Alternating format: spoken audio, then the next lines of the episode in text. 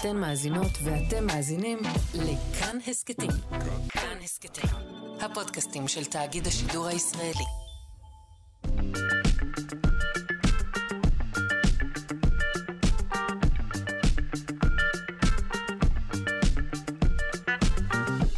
שלושה שיודעים. שלום, בוקר טוב, מה שלומכם? אה, אתם על כאן תרבות 104.9 או 105.3 FM. שלושה שיודעים, פותחים את הבוקר, פותחים את הראש, בזהירות כמובן. הבוקר, בשעתנו זו, מי הוא התנין האוסטרלי הקטן? האם הכלב שלכם בוכה משמחה כשהוא פוגש אתכם? אה, תהיה גם התקדמות בהבנה אה, של בניית הפירמידות, וגם לקראת סוף השעה, ההיסטוריה של הבלוז.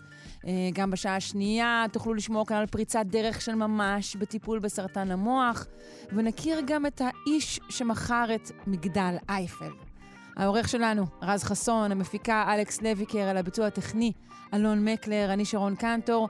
מזכירה לכם שאם אתם נאלצים להחמיץ אותנו, אה, ראשית, זה חמור, שנית, אפשר להאזין גם בשידור החוזר בשעה שמונה בערב, או בצורה של הסכת, אה, באיזה יישומון שרק מתחשק לכם. ואנחנו מתחילים מיד.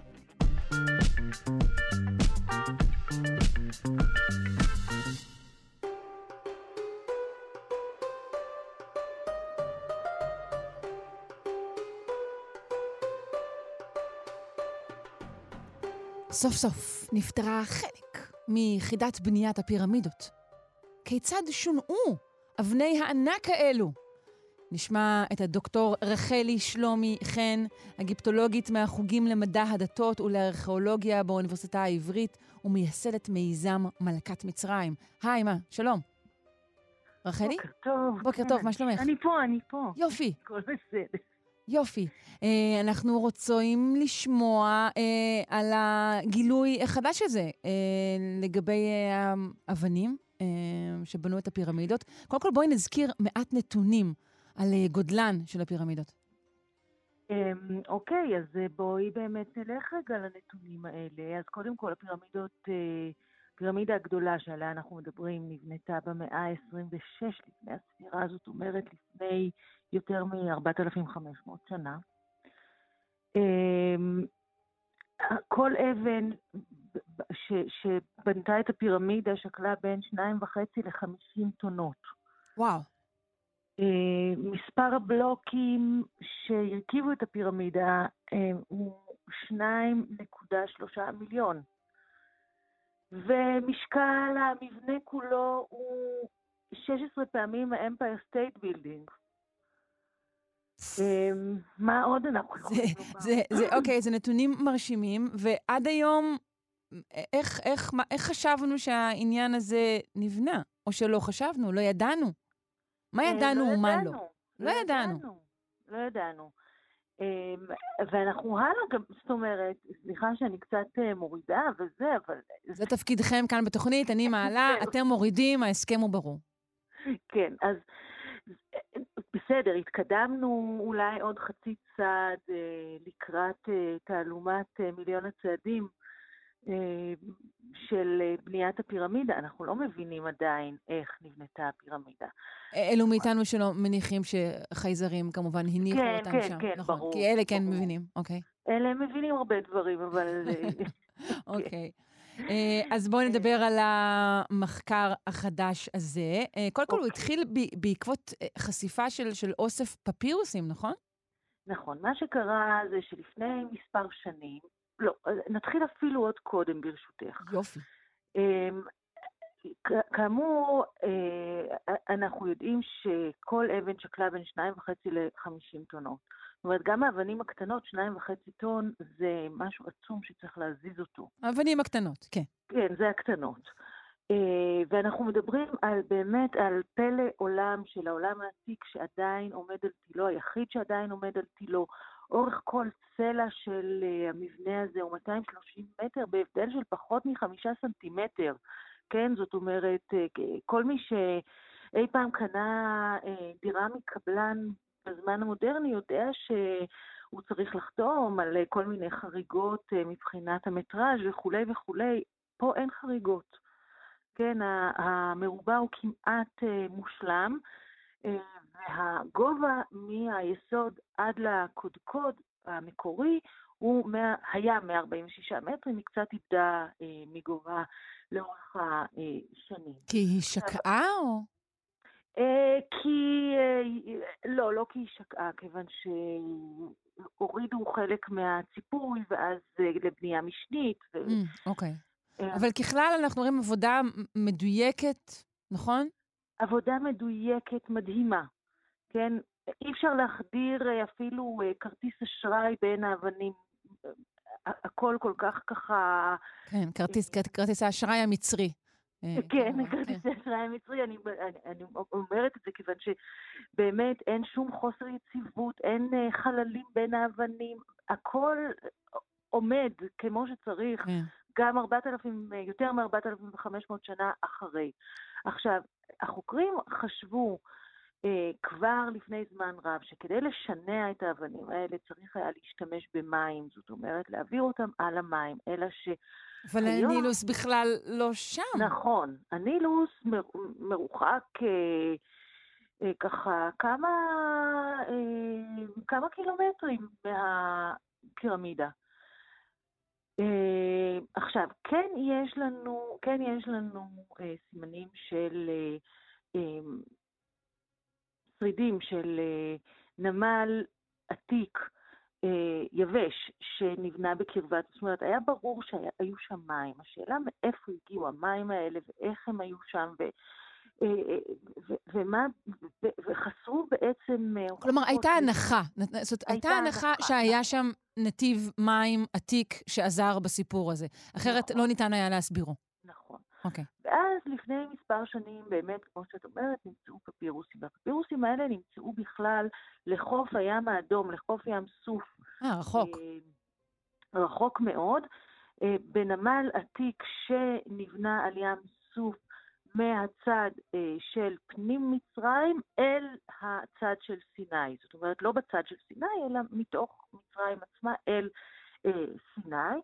ושם בעצם המוטיבציה לבנות שם נמל היא שבתוך סיני עצמה היו מכרות שצריך היה להוביל את הסחורה מתוך סיני אל תוך אה, אה, מצרים. ומי שישב שם היה איש שקראו לו מרר, אה, כך אנחנו למדים מהפפירוסים שנמצאו, אה, והוא היה מנהל עבודה. עכשיו, הפפירוסים האלה, למרות שנמצאו, ב... שנמצאו לחוף הים האדום, מתארים יומני עבודה של קבוצת העבודה שלו, שאותה הוא ניהל, דווקא מאתר הפירמידות. אז כאילו היה לו, היה לו פרויקט רחוק, או...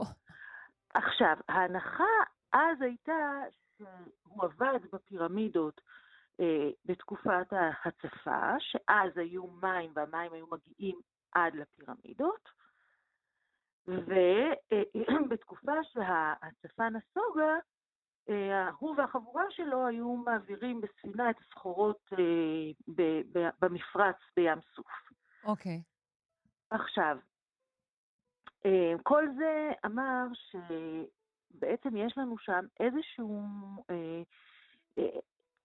איזשהו גוף מים שנמצא שם כנראה לא כל השנה, זאת אומרת שהוא תלוי באמת בהצפה של הנילוס. הנילוס אה, אה, כל שנה אה, יש לנו עונת, אה, יש לנו עונת גשמים בלב אפריקה, אה, במקורות הנילוס, למים לוקח בערך חודשיים לנסוע מלב אפריקה ועד שהם אה, מגיעים למצרים, זאת אומרת שבערך ביולי מתחילה עונת ההצפה במצרים, שאז הנילוס, זה כמובן לא קורה היום בגלל סכר אסואן, אבל באופן טבעי זה כמובן עדיין קורה גם היום, שהמים מגיעים בזמנים שלפני בניית הסכר, זה פשוט היה ממלא את, ה, אה, את הנהר בסחף ובמים, אה, שהציפו מקומות שבדרך כלל במהלך השנה אה, לא, אינם מלאים במים, כן? אוקיי. Okay. הם מלאים רק לחלק מהזמן. אז, אז, אז רק בזמן הזה ניתן היה לשנע... ההשערה הייתה שבאמת אותו מרר, שעובד חלק מהשנה על הים האדום, את החלק של, שיש בו מים באזור אה, גיזה, כן, היה מבלה בגיזה בהעברת אבנים, זאת אומרת, אנחנו יודעים שהוא עבד בפרויקט של הפירמידה, ואנחנו יודעים שזה מה שהוא עשה, וכשהמים שם יבשו, היו מעבירים אותם באמת לים האדום. וזאת הייתה השערה ככה בעקבות, ה... בעקבות מציאת הפפירוסים אז. עכשיו, בעקבות הגילוי ההוא, התחילה הגברת שגילתה את הגילוי הנוכחי לחפש סימנים למים. ובעזרת קידוחים בעצם איתרה ככל הנראה את הערוץ של היובל העתיק של הנילוס, אותו ערוץ שהם קוראים לו ערוץ חופו, על שם המלך כמובן שבנה את הפירמידה הגדולה, mm-hmm. והם טוענים שהוא היה מלא ופעיל ולא מעשה ידי אדם, זאת אומרת, בניגוד למה שחשבו החוקרים קודם, שהיה איזשהו גוף מים שהיה מעשה ידי אדם שנחפר, ובאמת רק בתקופת ההצפה היה מלא ואחר כך התרוקן, אז כאן ההשערה אומרת שככל הנראה היה ערוץ אה, שהיה אה, מלא ועבר ליד אה, הפירמידה, ובעצם הוא זה שאפשר את הובלת אה, האבנים.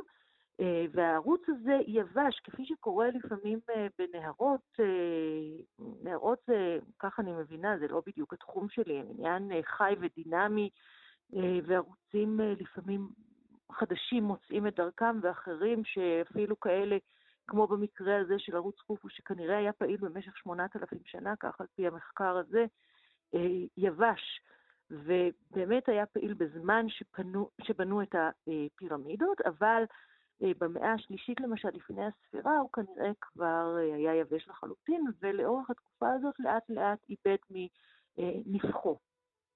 כך אוקיי. שאנחנו מדברים על ערוץ שככל הנראה היה ערוץ שסייע אה, בהנגשת אה, הפירמידה, את יודעת, כן. דרך המים, אה, להעברת אותן אבנים ענקיות אה, מהמכרות. עכשיו, צריך להבין שאומנם אה, האבנים עצמן שהרכיבו את הפירמידות, רובן היו אבני גיר שהגיעו מ... אה, לא כל כך רחוקה, אה, בטורה, נמצאת היום פחות או יותר באזור אה, של קהיר, גם גיזה כמובן כן. נמצאת באזור של קהיר, אבל צריך היה להעביר את הנהר, צריך היה mm-hmm. לעשות כל מיני דברים.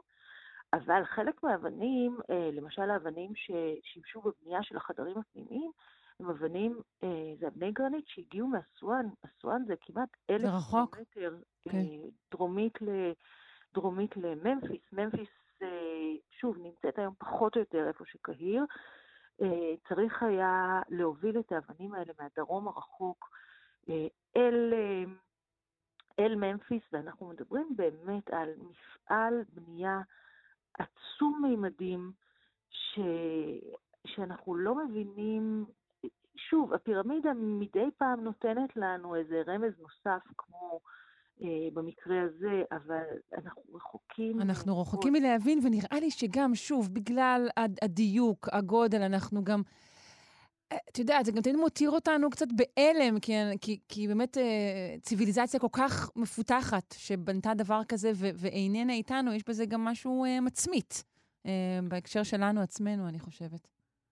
אה, נכון, והרבה פעמים באמת אה, אה, יש אה, חוקר שבאמת אה, צריך להבין שכשבונים, הפירמידה עצמה נבנתה כנראה לאורך 23 שנים.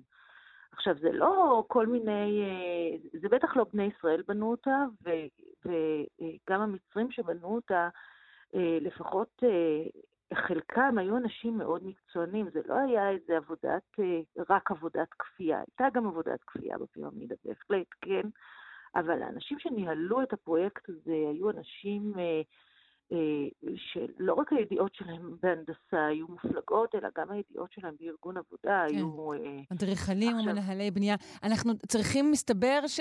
וואו, דיברנו הרבה הרבה יותר ממה שהזמן אפשר לנו, אבל לדעתי אנחנו צריכות אה, להיפגש לפגישה ארוכה יותר אה, בנושאים האלו. אז... אה, טוב, חשפנו אבל עוד, עוד טפח מהסוד של הפירמידות הבוקר. תודה רבה לך, דוקטור רחלי שלומי חן, אגיפטולוגית מהחוגים למדע הדתות ולארכיאולוגיה באוניברסיטה העברית, ומייסדת מיזם מלכת מצרים. תודה.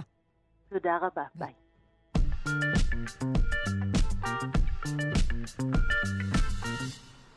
נו, וזה כבר די רגיל, כמדי שנה, מנכ"ל טסלה, אילון מאסק, הכריז, מכריז, שזהו, רכב אוטונומי עומד להיות מושק, ממש עד סוף השנה, תוך חודשים אחדים. האם העניין הזה באמת יקרה הפעם? אה, נפנה לדוקטור אבינועם בורובסקי, ראש המעבדה להערכת ביצועי אנוש בנהיגה במחלקה להנדסת תעשייה וניהול באוניברסיטת בן גוריון בנגב. שלום. בוקר שלום. טוב. שלום. היי. בוקר אור. אה, אז אנחנו אה, שוב נתקלים, אני אומרת שוב, כי זה, זאת לא הפעם הראשונה שאילון מאסק מכריז שעכשיו זה קורה, נכון? כן, כל כמה שנים יש יוצאים בהודעה, יש בדרך כלל תחרות בין חברות של רכבים לגבי הוצאה של טכנולוגיה של רכב אוטונומי. זה לא, זאת אומרת, זה לא מפתיע מהבחינה הזאת. אבל אנחנו רוצים אבל... להבין למה זה כל פעם לא קורה. כדי לא להיערך לא לזה כך שזה לא יקרה שוב. אז uh, קודם כל צריך להבין שה... זאת אומרת, הכיוון הוא באמת, אה, בסופו של דבר, זה ללכת לרכבים אוטונומיים, אבל צריך להבין שהדרך היא עוד ארוכה. אה, ואני חושב שההבדל, זאת אומרת, הדבר החשוב זה לשים לב שכשאנחנו מדברים על, אה, לא על רכב בודד, אלא כשמדברים על מערכת של תחבורה, זאת מערכת מאוד מאוד מורכבת. אני אוהב לתת את הדוגמה מתעופה למשל, שטייס אוטונומי כבר משנות ה-60 היה בתעופה. אה, ועדיין יש טייסים אנושיים שיושבים במטוסים אה, ומטיסים אותם, ומערכת התעופה, אפשר להניח שהיא הרבה פחות מורכבת ממערכת התחבורה. אה, גם בגלל כלומר, ש... כלומר, אבל, אבל יש, יש מזל"טים, יש מטוסים ללא טייס, הם קיימים, הם רק קיימים באחוזים נמוכים, ולצד מערכת התעופה נכון. המאוישת בבני אדם. נכון, כשאנחנו מדברים על התעשייה, על ה, בדיוק התעופה, מה שנקרא האזרחית, או תעופה של, אה, של נוסעים, אה, בתעופה של, אה, בהטסה של נוסעים, של בני אדם, אז יש, יש טייסים אנושיים. יש כל מיני תחזיות. בעצם כשמדברים על רכבים אוטונומיים, נהוג לדבר על מה יהיה אחוז החדירה בשוק. חלק מהתחזיות מדברות על זה ש... אה, עד 2040, למשל 75% מכלל הרכבים יהיו אה, אוטונומיים. אה, יש תחזיות אחרות שמדברות על זה שעד 2050 כל הרכבים יהיו אוטונומיים. שוב, הבעיה היא לא, לא הרכב, אלא איך כל המערכת הזאת פועלת ביחד, כשיש גם נהגים ידניים, וגם רכבים אוטונומיים, וגם משתמשי דרך שאין להם תקשורת עם הרכבים האוטונומיים. דוגמה, שוב, שפורסמה לאחרונה, חברת קרוז של ג'נרל מוטורס למשל, שנוהגת כבר, יש להם מוניות אוטונומיות כבר כמה חודשים בסן פרנסיסקו. אה, פתאום איזה עשר מכוניות הגיעו לצומת וחסמו את הצומת. אף אחד לא יודע מה הסיבה, אף אחד לא יודע למה, פשוט תקע שם את התנועה כמה שעות. וזאת דוגמה ממש אה, פשוטה של אה, מקרה בודד, נקודתי, של איזשהו צומת. אז צריך להבין שיש באמת מורכבות, זה, זה לא שמחר יהיה רכב אוטונומי. נכון, אבל ברגע שבאמת כל, אתה יודע, זה, כל, כל הנבואות, באמת, תחזיות מדברות על זה, והשוק רותח, אני, ואנשים אני... קונים מניות, הדברים האלה לרוב מתכנסים, כן, לכלל משהו. לא, הם לא נמוגים אה, כבועה. תראי, אה, יש, למשל, שיירה, ניסוי עם שיירה אוטונומית בוצע כבר בשנות ה-90, בפלורידה למשל, של פלטון, של צי רכב שנוסע בשיירה אוטונומית. אה, גם אז אה, חשבו שהנה הטכנולוגיה הולכת וכל הרכבים יהיו אוטונומיים וכולם יהיו אוטונומיים, ועובדה שזה עוד לא קרה. אה, אז יש תחזיות, אני לא נביא, אני רק יכול להגיד שעם המחקר שאני מתמודד איתו כרגע, שזה אינטראקציה בין נהגים לרכבים אוטונומיים, אמנם לא מלאים, יש המון המון בעיות, יש המון המון... בוא ספר לנו ש... קצת על, ה, על, ה, על הבעיות שאתה מגלה.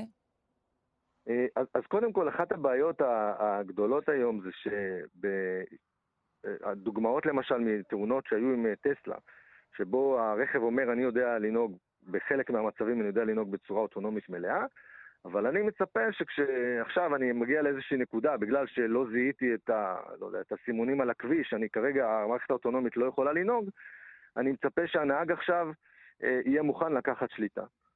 אה, ואנחנו יודעים שזה לא עובד ככה, אנחנו יודעים שכשאתה מוציא את האדם, את, ה, אה, אה, את הנהג מהלופ, מהלופ של האוטומציה, כן. והוא עסוק בדברים אחרים, אם זה לקרוא משהו. כן, לנהג אין משהו. כפתור, הוא לא בשנייה אחת בדיוק. יכול להגיב. אי אפשר לצפות ממנו mm. להגיב, ולכן יש חלק מהחברות, החברות הרכב שבאמת זנחו את כל השלב ביניים הזה של שילוב בין נהגים לרכבים אוטונומיים.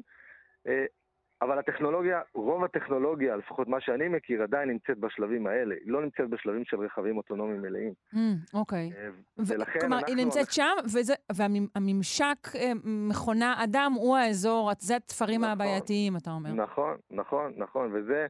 ושם נמצאים האתגרים, זה איך אתה דואג שהנהג יהיה בכל זאת בתוך הלופ, איך אתה נותן לו את הכלים. אה, סתם דוגמא, אני מדבר אפילו על אובדן של מיומנות. אם אני כנהג נוסע ברכב אוטונומי, חלקי אפילו, ולא נוהג, לא נוהג, לא נוהג, אני אאבד את המיומנות שלי ברגע שאני צריך לנהוג. כן. אז כל החשיבה היום משתנה, זאת אומרת, איך המבינים, זאת אומרת, הצורך אה, אה, לאדם, נהג אנושי בתוך המערכת, הוא עדיין צורך חשוב, שאין מספיק נתונים היום לגבי ה- ה- היעילות של רכבים אוטונומיים. זאת אומרת, יש רכבים אוטונומיים שנוסעים, שוב, אנקדוטלית בחלק מהמקומות, אבל זה לא משתווה לכמות הנסועה, זאת אומרת, כמות הקילומטרים שמושווה לנהגים אה, אה, ידניים, ועדיין נהגים אנושיים מעורבים בפחות תאונות, לפחות לפי הנתונים שיש היום מרכבים אוטונומיים. באחוזים. אה, כן. כלומר, אז... מה שאתה אומר, יכול להיות שהעסק הזה ייכנס, אבל ייכנס באופנים מאוד נקודתיים, נגיד ציי מוניות ספציפיים, נכון. או תחבורה ציבורית מסוימת. נכון. התשתית צריכה להיות מותאמת. יש עניינים כן. של של אה, תרבות למשל. אתה מתכנת רכב אה, שישמור מרחק בגרמניה למשל, זה לא מה שהיית רוצה לתכנן אותו, את אותו רכב שישמור מרחק בישראל למשל. למה? אתה פשוט מעדיף שיהיה מרחק טוב בין מכוניות, לא? כי אנחנו לא יודעים, אז זאת אומרת, כי ברגע שמספיק שיש נהג אחד שיכול לעשות אה, למשל override, זאת אומרת לדרוס את האוטומציה, יהיה רכב אחר שייכנס mm. ביניהם. אוקיי, אוקיי, יש אז, תופעות אז של... כמו הרבה של... מאוד פיתוחים, הבעיה שלנו תהיה ב, אולי בתקופת המעבר, שעשויה להיות ארוכה מאוד. נכון, אף אחד, בדיוק, וזו הנקודה, שאף אחד לא יודע מהי אותה תקופת מעבר, ויכולה, שוב, הרבה מעריכים שהיא כנראה תהיה מאוד ארוכה. כן, אתה חושב שנושא אה, הביטוח, האחריות, ליביליטי, כל הדברים האלה, זה, זה חסמים רציניים? מדברים על הדברים האלה אה, הרבה, אני חושב שזה, יש בזה, זאת אומרת, בהחלט צריך לתת על זה את הדעת, זאת אומרת, מי בסופו של דבר אחראי. אה, עלו הרבה פעמים שאלות של אתיקה למשל, כן. מה רכב אה, אמור לעשות. אז דווקא הדברים האלה, זאת אומרת, יש חלק מהחוקרים שטוענים שאלה דברים פתירים, זאת אומרת, עניין אתי, אז צריך ללוות את זה כמובן ברגולציה, וגם פה יש עניין של של חברות רכב שונות, שכל אחת מפתחת את התקשורת שלה ואת השיטות שלה, זאת אומרת, בהכרח צריכה להיכנס פה רגולציה שתסדיר את כל הנושא הזה. ולכן אני חושב שבאמת מדובר בעוד הרבה שנים עד שאפשר להגיד שכלל המערכת תהיה אוטונומית. השקעה לטווח ארוך, אתה אומר. כן, שוב, בסוף יש הטוענים שזה יקרה. אני אני חושב אולי, אני לא יודע, כן, אבל uh, לפי איך שזה לי נראה מהמחקר שאני עושה, אנחנו עוד רחוקים. Uh, רחוקים מזה. טוב, uh, אני מודה לך מאוד, דוקטור אבינועם בורובסקי, ראש המעבדה להערכת ביצועי אנוש בנהיגה במחלקה להנדסת תעשייה וניהול באוניברסיטת בן גוריון uh, בנגב, ואנחנו נמתין שנינו, ובינתיים נאלץ להמשיך לנהוג. אה, בהחלט, כן, אתם אה, מוזמנים אה, לבוא אלינו גם למעבדה ולראות את המחקר. אה, כן? כן, בשמחה, בהחלט. יא, טוב. כן? בסדר, אם יש תחבץ, נגיע. טוב, תודה. ביי. תודה, ביי ביי.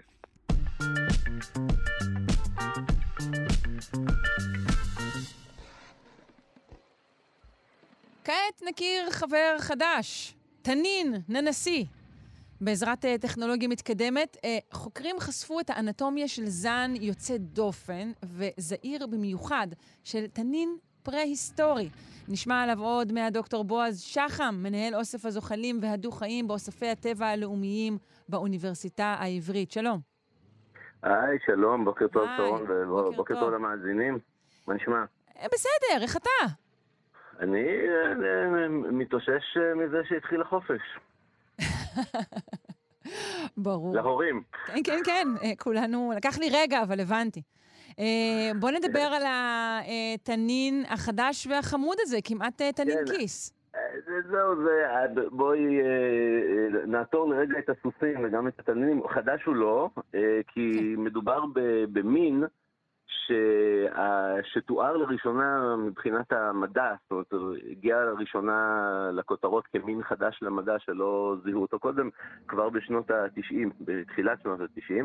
מה שחדש זה המחקר שנעשה אה, אה, באוסטרליה על, ה, אה, על האנטומיה של הגולגולת, ה-cranial anatomy, וגם על אה, שחזורים של... אה, של מה שהם אה, טוענים שהם יכולים להדגים בשיטות מאוד מאוד מתקדמות של מייקרו-CT, של אה, בעצם הדמיית CT של דברים מאוד מאוד קטנים, ולכן נקרא מייקרו-CT, כן.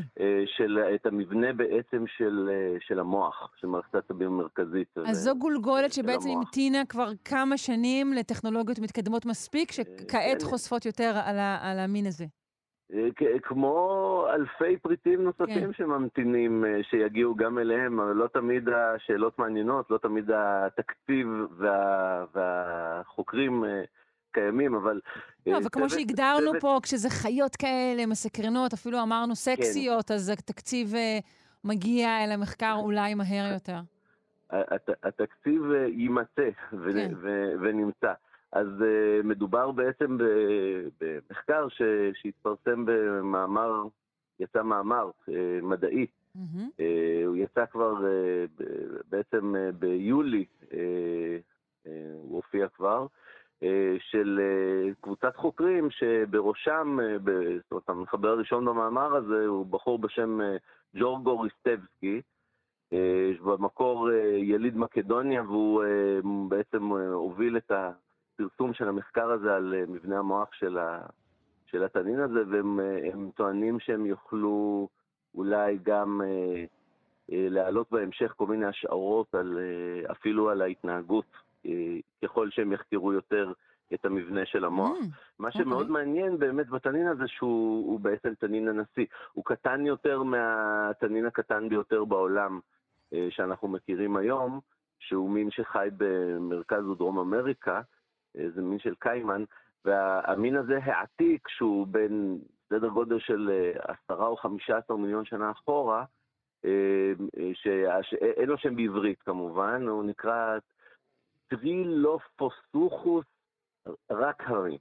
Mm-hmm. רק כן. המי זה על שם, על שם איזשהו חוקר ש, שכיבדו אותו ונתנו הש... על שמו בשנות ה-90 את השם הזה. Okay. אוקיי. ובעצם זה מדובר בתנין שהגודל המשוער, כמובן זה, משוער, זה משוחזר מתוך החלקי מאובנים שיש, הם אה, משערים שהאורך הכללי שלו לא עלה על משהו כמו מטר.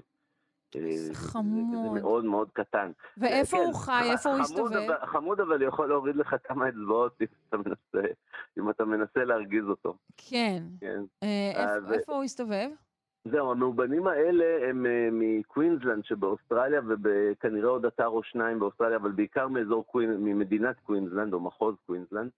Uh, וזה בעצם משהו שיש להם גם, יש להם גם עוד כל מיני דברים מעניינים שהם, אה, שהם מגלים בעקבות המחקר הזה, הם, אה, הם, הם שואלים כל מיני שאלות או מציעים הצעות לגבי סידור מחדש של, ה, של הטקסונומיה, של, ה, של בעצם האילן המשפחתי של, ה, של התנינים מהקבוצה הזאת. באמת? אוקיי. אה, כן, זה, זה משהו כזה פנימי, שאת יודעת... זה לא, משהו פנימי של תנינים, אתה אומר, אני לא צריכה להיכנס לזה. זה משהו פנימי של, של תנינים, ואפילו, ואפילו יותר מכך, זה בעיקר משהו פנימי של חוקרי תנינים וחוקרי כן. תנינים עתיקים. כן. אבל זה הכל עם שמות כאלה שלא אומרים לנו שום דבר. אה, ויש להם גם אה, השערה שיכול להיות שהוא היה אפילו יותר עתיק ממה שחושבים, שהם ממצאים שמראים שעשרה מיליון שנים לפני התקופה שבה חשבו שהתנין הזה חי, הם כנראה כבר היו חיים, המין mm, הזה. אוקיי. או משהו מאוד דומה. הוא גם חי כנראה יותר ביבשה, אני מבינה, הוא פחות בוסס. כן, יש, יש שם, יש להם כל מיני, מכיוון שיש גם שחזורים על סמך מידע גיאולוגי, יש שחזורי אקלים של התקופה ההיא, והם יכולים לדעת לפי ה... לפי המשקעים בשכבות של החפירה, בסדימנטים שיש באזור של החפירה, הם יכולים לדעת אם, זה, אם מדובר בבית גידול יבש או בית גידול אה, לח, עם נהר או ביצה או משהו כזה, אז הם, אה, הם בעצם טוענים שכל המידע מצביע על זה ש, שהתנינים האלה היו חיים באמת באיזשהו נוף שהוא יותר יבש. על, לא, על פי מה, על פי מה בדיוק מה... זה, זה, זה נקבע או משוער דבר כזה? זה, זה יש, יש משקעים, אה, יש סדימנטים שהם אופייניים לבוץ שהתייבש מאזורים ביצתיים או גדות של אה, נהרות או קרקעית של נהר, ויש אה, משקעים אחרים שהם אופייניים למשהו שהיה יבש באותה תקופה שבה המאובן נוצר או, או מיד לפני. אני, אני וזה לא משקעים שהם, שהם, שהם על המאובן? בשביל הבנתי, להגיד לך איך הם יודעים כן. את זה, כן. אבל הם יודעים את זה. זה, אוקיי. זה בעצם בעיקר על, על, סמך ה, על סמך התכונות הגיאולוגיות של, ה, של השכבות, של החפירה. כן, אה, אה, ומניחים שגם האזור הזה היה אזור הרבה יותר מיוער. גם כן. כמובן שחזורים על סמך אה, הפאונה וגם הפלורה. בעלי חיים וצמחים שהתאבנו במקביל באותה שכבה, ואז את בעצם יכולה לשחזר אתה יודע, כמו שמראים לנו ב, בכל מיני שחזורים כאלה יפים ב, ב, בערוצי uh, טבע, דיסקאברי, national geographic וכולי, שהם משחזרים את כל הסביבה, את כל הנוף של, של המובנים וממש מחיים אותם באמצעים טכנולוגיים ואנימציות ו, כן. אז, אז בעצם כל המידע הזה זה הצלבה של כל הנתונים, גם של הגיאולוגיה, וגם של מאובנים אחרים שנמצאו במקביל, ו- ו- ובעצם את יכולה להקיש שהם חיו באותה תקופה. כן. Uh, טוב, אני רואה כאן לפניי uh, מעין uh, תמונה שמדגימה את גודלו ביחס לגודל של אדם. נראה כמו לא, מין... סתם, לא סתם אדם, לדעתי זה אדם אוסטרלי. אדם אוסטרלי גדול. עם, עם כובע נכון. כזה של קרוקודייל דנדי. ש, נכון. שמאוד, תחשבי כמה קרוקודייל דנדי אה, היה בטח רואה את הדבר הזה, והיה אומר, That's not a croc, this is a croc, ושולף... אה, איזה, איזה saltie, איזה תנין אה, מים, אה, תנין ים, שאלה שחיים כן. במים מלוחים ויכולים להגיע לאיזה שבעה מטר. זהו, אבל מזה היה צריך, אה, נכון, הוא, הוא באמת יותר קטן ויכול להוריד לך רק אצבע, אבל צריך היה להיזהר ממנו גם ביבשה. זה ה... כן, בוודאי. ואז, ואז כמה עצוב זה היה, היו צריכים להציב שלטים, לא מספיק לשים שלט, אסור לסחוט. כן. צריך שלטים. שים לב לאן אתה הולך, יש כאן תנין אוסטרלי קטן. אל תדרוך. אל תדרוך, לא על הזנב. דוקטור בועז כן. שחם, מנהל אוסף הזוחלים והדו-חיים באוספי הטבע הלאומיים באוניברסיטה העברית. תודה רבה. תודה רבה ויום טוב. יום טוב.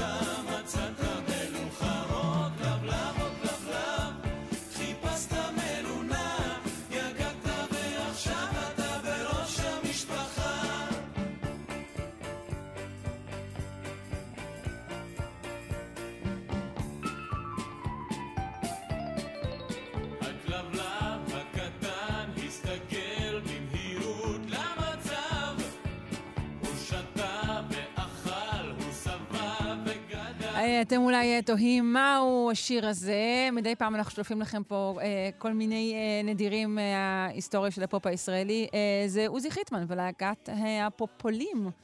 בשיר הכלבלב. ואנחנו רוצים לדבר כרגע על הכלבלבים ועל אהבה כלבית ועל דמעות. שכלבים מייצרים כשהם מתאחדים עם uh, בעליהם האהובים. Uh, נגיד בוקר טוב לדוקטור נועה אלבלדה ממרכז סגול למוח ותודעה באוניברסיטת רייכמן. שלום. שלום, בוקר טוב. בוקר טוב, מה שלומך? מצוין, תודה. יופי, אני שמחה לשמוע. Uh, הכלב שלנו, למי שיש כלב כמובן, והוא לא חתולאי מושבע כמוני. האם הוא... וכמוני אה, גם. אה, האם הוא... אז טוב, ננסה אבל בכל זאת, ניתן פה אמפתיה לכלבים. אה, הוא מקבל את, הפנים של הבעלים בליקוקים, קשקושי זנב פראיים שמפילים מאפרות מהשולחן, ולעיתים גם דמעות. אז מסתבר שכן, וזה בעצם מחקר שהתחיל מזה שהחוקר הראשי שם, בחור יפני, וטרינר אם אני לא טועה, יש לו כלבה, והוא שם לב שכל פעם שהוא חוזר הביתה והכלבה מביטה בו באהבה, העיניים שלה נהיות uh, רטובות. מצועפות ו- ולחות. אז כן, לחות כאלה, uh-huh. עיניים עגולות ולחות, וזה מאוד סקרן אותו אם זאת איזושהי תופעה מדעית אמיתית, ויצא לדרך עם המחקר הזה. אוקיי, okay, מה הוא גילה? קודם כל, איך, איך הוא חקר? איך בכלל אפשר אה, אה, לחקור, קודם כל צריך לחקור את כמות הדמעות, מתי הן מופיעות, ואחר כך אני מניחה שצריך לחקור את, את השאלה האם זה דמעות אה, שהן רק איזושהי תופעה פיזיולוגית לא ברורה, או שאפשר לקשר אותן בכלל לדמעות אנושיות של, של עצב ושמחה. כן, אז, אז אני אגיד, אני ככה אלך ישר לשורה התחתונה, ואז אני אדבר על מה הוא עשה בדיוק במחקר. הוא, הוא בעצם הצליח להראות שהדמעות האלה הן דמעות רגשיות. כן, דמעות זה לא משהו שהוא ייחודי רק לבני אדם, כמובן, הרבה בעלי חיים דומים בכל מיני סיטואציות, אבל נכון להיום... בסיטואציות ש... רגשיות? זהו, אז נכון להיום, זה בעצם הפעם הראשונה שמראים שגם בעלי חיים דומעים מתוך מקום רגשי, ולא נגיד מתוך זה שנכנס להם משהו לעין, או שצריך... אה, לנקות את העין או משהו כזה. וואו, אז זה גילוי מטורף. אוקיי, איך, איך כן, הוא הגיע לזה? גילוי מעניין. אז מה שהוא בעצם עשה זה לקח uh, קבוצה של אנשים שיש להם כלבים, uh, וזה אנשים שכשהם הולכים לעבודה, הם שמים את הכלבים שלהם במין, uh, אצל דוגסיטר, מישהו שמטפל mm, בהם, אוקיי. שהם, לא, שהם לא יישארו לבד. הם לא עובדים באיזו חברת uh, בוטיק uh, הייטק שמאפשרת להביא את הכלבים לעבודה ואפילו מברכת על כך. כן, לא, כנראה שלא. אמ, והוא בדק בעצם את כמות הדמעות שהכלבים מפרישים כשהבעלים חוזרים לקחת אותם, והוא השווה את זה למה שקורה כשהכלב פוגש אחרי כמה שעות בן אדם שהוא מכיר, אבל לא הבעלים שלו. כי הוא רצה להראות שזה אפקט שהוא ייחודי לבעלים, בגלל שיש שם באמת איזשהו קשר מיוחד. אה, אוקיי, והוא... כאילו לעמוד על ההבדל בין פגישה עם הבעלים לפגישה עם אדם אחר, אדם זר או... זהו, אז פה הוא הראה שזה לא אדם זר, דווקא אדם מוכר, מישהו שהכלבים מכירים ואוהבים, אבל לא שלהם. אבל לא כל כך אוהבים, אוקיי. בדיוק, הנאמנות הכלבית הידועה. אמ, ובשביל למדוד את כמות הדמעות, אני רק אסביר, הסבר טכני קצר, לוקחים כמו מין אה, אה, מלבן אה, נייר דק, ומכניסים אותו מאוד בעדינות מתחת לעפעף של הכלב, כמובן בלי להכאיב לו, ווידאו שכל הכלבים זה כלבים שקטים שמאפשרים לעשות להם את הפרוצדורה הזאת. והנייר הזה בעצם אה, אה, קולט את הלחות מהעיניים ונותן איזושהי מדידה כמותית, וככה את יודעת את כמות הדמעות שמופרשת שם. מה שהנייר הזה כשלעצמו יכול לגרום לך לדמוע, אבל אני נכון, מניחה שהסירו נכון, את הנתון הזה. זה, הם הסבירו שהם עשו את זה שם מאוד בזהירות, ווידאו ש... האפקט, האפקט של הבדיקה הזאת הוא מינימלי, כדי שזה כמובן לא ישבש את התוצאות. והוא באמת הראה שהכמות של הדמעות היא גדולה באופן מובהק כשהכלב מתאחד עם בעליו, מאשר כשהוא פוגש אה, אנשים אחרים. ומה שהם עוד הראו זה ש... או יכול להיות שהדמעות האלה קשורות להפרשה של אוקסיטוצין, כי כששמו לכלבים האלה, כשחשפו את הכלבים האלה לאוקסיטוצין, אז כמות הדמעות אפילו גדלה עוד יותר. אוקיי, כי אני כמובן ישר ניסיתי להפעיל עוד, עוד uh, רמה של uh, ספקנות ולהגיד, אוקיי, אולי זה דמעות שעולות כשהוא יודע שיקבל את, ה, את האוכל שהוא רגיל אליו או שאהוב עליו. Uh, אבל לא, אוקסיטוצין זה כבר ממש קרוב אלינו. כן, זה ממש הסממן הזה של ה bonding, של החיבור, ומה שהוא עוד הראה, הדבר האחרון שהוא עשה, הוא בעצם טוען שהדבר הזה התפתח אצל כלבים אבולוציונית, כי זה מגייס אותנו בעצם to care for them, כמו שילדים, נכון? ילד קטן בוכה, למה הוא בוכה? כי הבכי הוא איזשהו מנגנון לגייס אותנו לעזור לו. הוא באמת הראה שכשמראים לאנשים תמונות של כלבים עם עיניים לחות ורטובות, אנשים אה, אה, הרבה יותר אה, מתחברים לכלבים האלה, מדרגים אותם כהרבה יותר חמודים ומתוקים, מאשר אם תראה להם בדיוק את אותה תמונה, רק בלי הלכלוכית בעיניים. בעיניים יבשות? באמת? כן, כן, כי הוא באמת רצה להראות שיש פה איזשהו מנגנון שאחראי באמת לחיבור העמוק בין אנשים לבין הכלבים שלהם. מעניין. מעניין אם אנחנו בכלל אה, חשים יותר אמפתיה או, או יותר אהדה גם לבני אדם כשאנחנו רואים את עיניהם לחות. אה, אם, כן, אם בכלל מראה של דמעות זה דבר ש, שזה מה שהוא מעורר אצלנו. נכון, דמעות מעוררות אצלנו באמת תחושה של רצון לעזור וקרבה. זה, זה התפקיד שלהם בעולם הרגשי, יש להם כמובן גם תפקידים פיזיולוגיים אחרים, אבל בהחלט חיבור רגשי, וזה באמת אה, מאוד מעניין שזה קיים גם אצל בעלי חיים, ומראה לנו שוב ושוב שאנחנו בני אדם קצת פחות מיוחדים ממה שנדמה לנו. כן. um, עדיין לגבי החתולים שלי, אני ספק אם הם יזילו דמעה כלשהי, uh, גם אם אני אחזור אחרי תקופה ארוכה, אבל uh, זה חלק מהיתרון שלהם מבחינתי.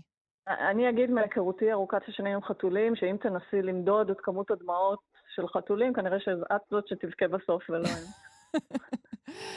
לגמרי. Uh, בסדר, אנחנו לא מקנאות. דוקטור נועה אלבלדה, ממרכז סגול למוח ותודעה באוניברסיטת רייכמן, אני מודה לך מאוד, להתראות. תודה רבה, ביי.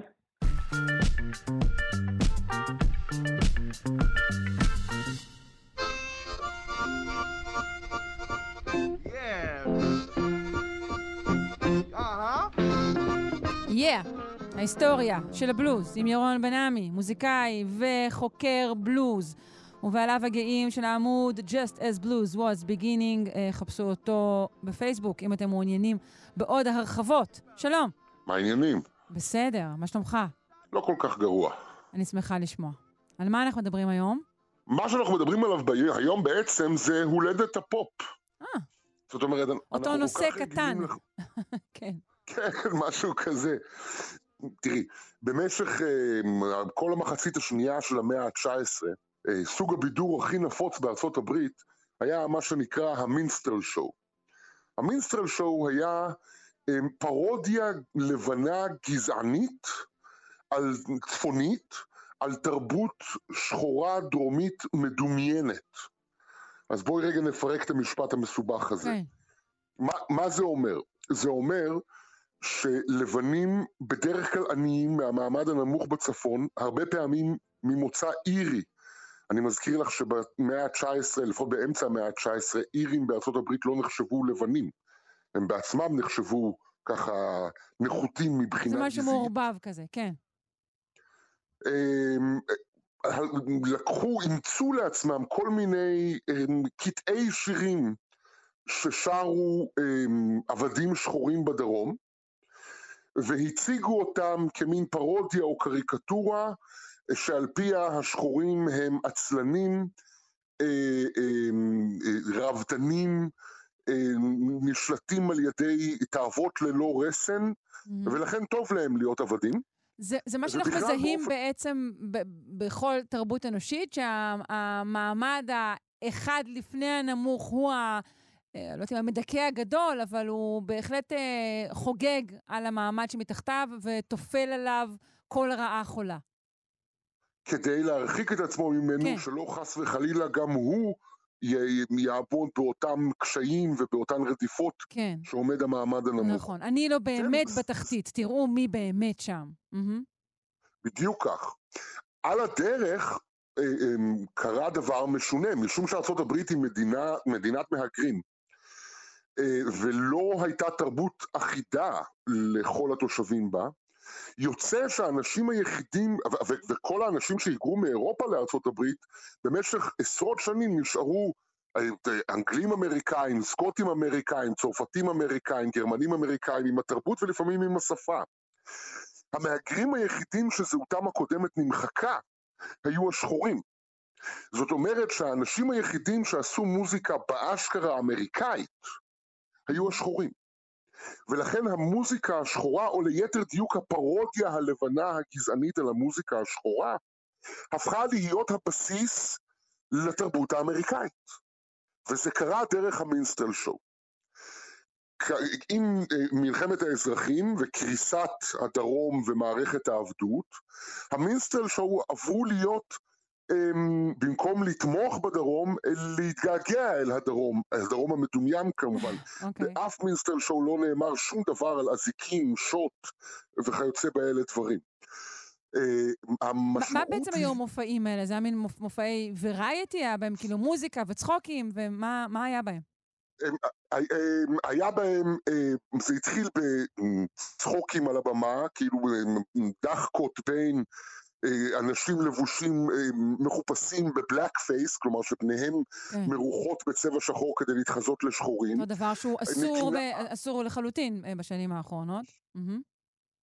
בגלל המינסטרל שואוס. כן. בגלל הזיכרון של המיסטרל שלו, שהוא אגב זיכרון מאוד ארוך, אם מסתכלים על איך למשל הציגו שחורים בסרטים מצוירים מאמצע המאה ה-20, מוצאים את המאפיינים של המינסטרל שואוז. עד כדי כך זה למטה, יושב למטה בתרבות האמריקאית. כן. אה, אחרי מלחמת האזרחים, אה, פתאום שחורים התחילו להשתתף במינסטרל שואוז. עכשיו מצד אחד זה מאוד מגוחך משום ששחורים נאלצו למרוח את פניהם בצבע שחור כדי להיראות כמו לבנים שמתחפשים לשחורים. בסדר, אבל דווקא אבל... יש בזה איזשהו היגיון, כי הם לא צריכים להיות השחור עצמו, אלא הייצוג הנלעג שלו. נכון, אבל אם אתה שחור על במה, אז באיזשהו שלב נהיה לך פחות נעים לייצג את הייצוג, להציג את הייצוג הנלעג הזה. ובאמת מה שקורה זה שהמינסטרל שואוז השחורים, הם מציגים את עצמם כנציגים האותנטיים של המוזיקה השחורה, ואפילו שחורים מתחילים לכתוב שירים של מינסטרל שואוז, למשל השיר שאנחנו נשמע עכשיו, אחד השירים הכי מפורסמים אה, של המינסטרל שואוז המאוחרים, אה, הוא נקרא Carry Me Back to Old Virginia של ג'יימס בלנד, בואו נשמע אותו קצת ואז נדבר על מה קורה שם.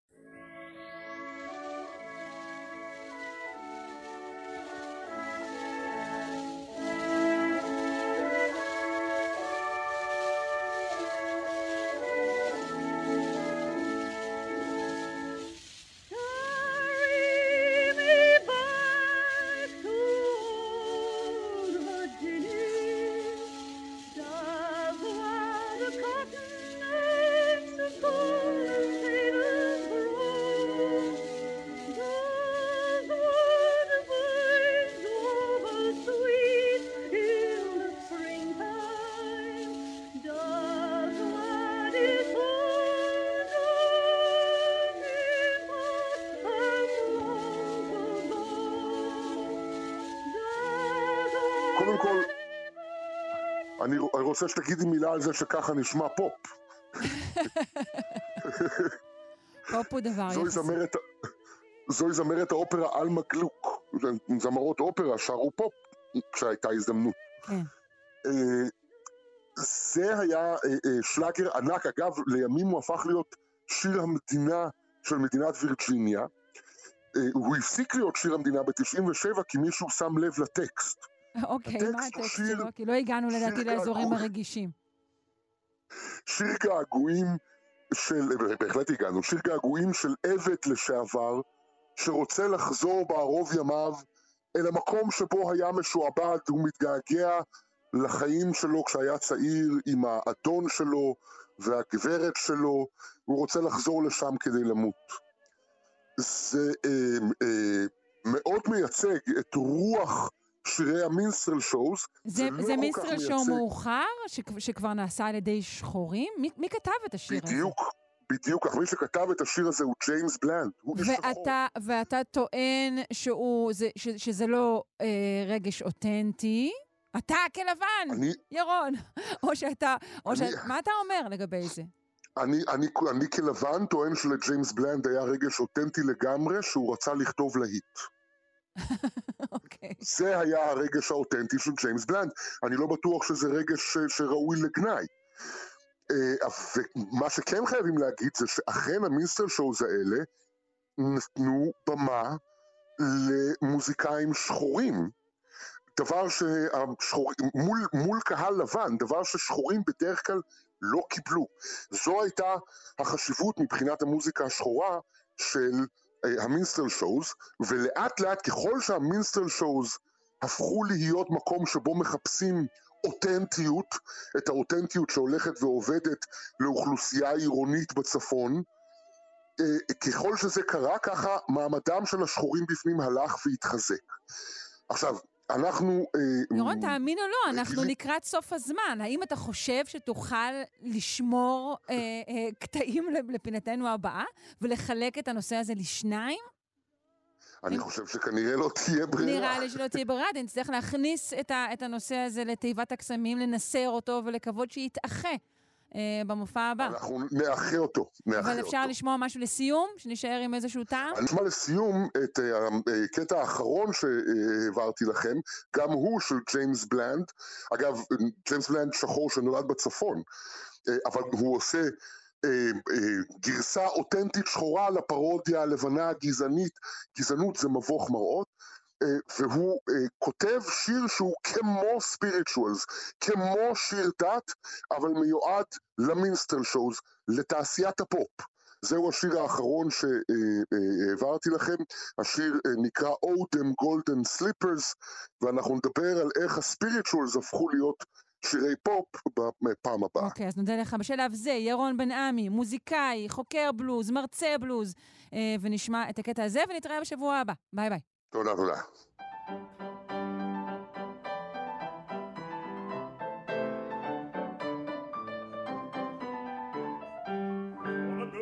slippers I'm laid awake It's a dance back to worm to my web day my long tail coat that I love so well. I'll wear up in the church in the morning And my long white robe that I bought last June. I'm going to get changed cause it fits too soon. And the old grey horse that I used to drive I will hitch him to the church in the morning them golden slippers, oh, them golden slippers, golden slippers I was blind to wear because they look so neat. Oh, them golden slippers.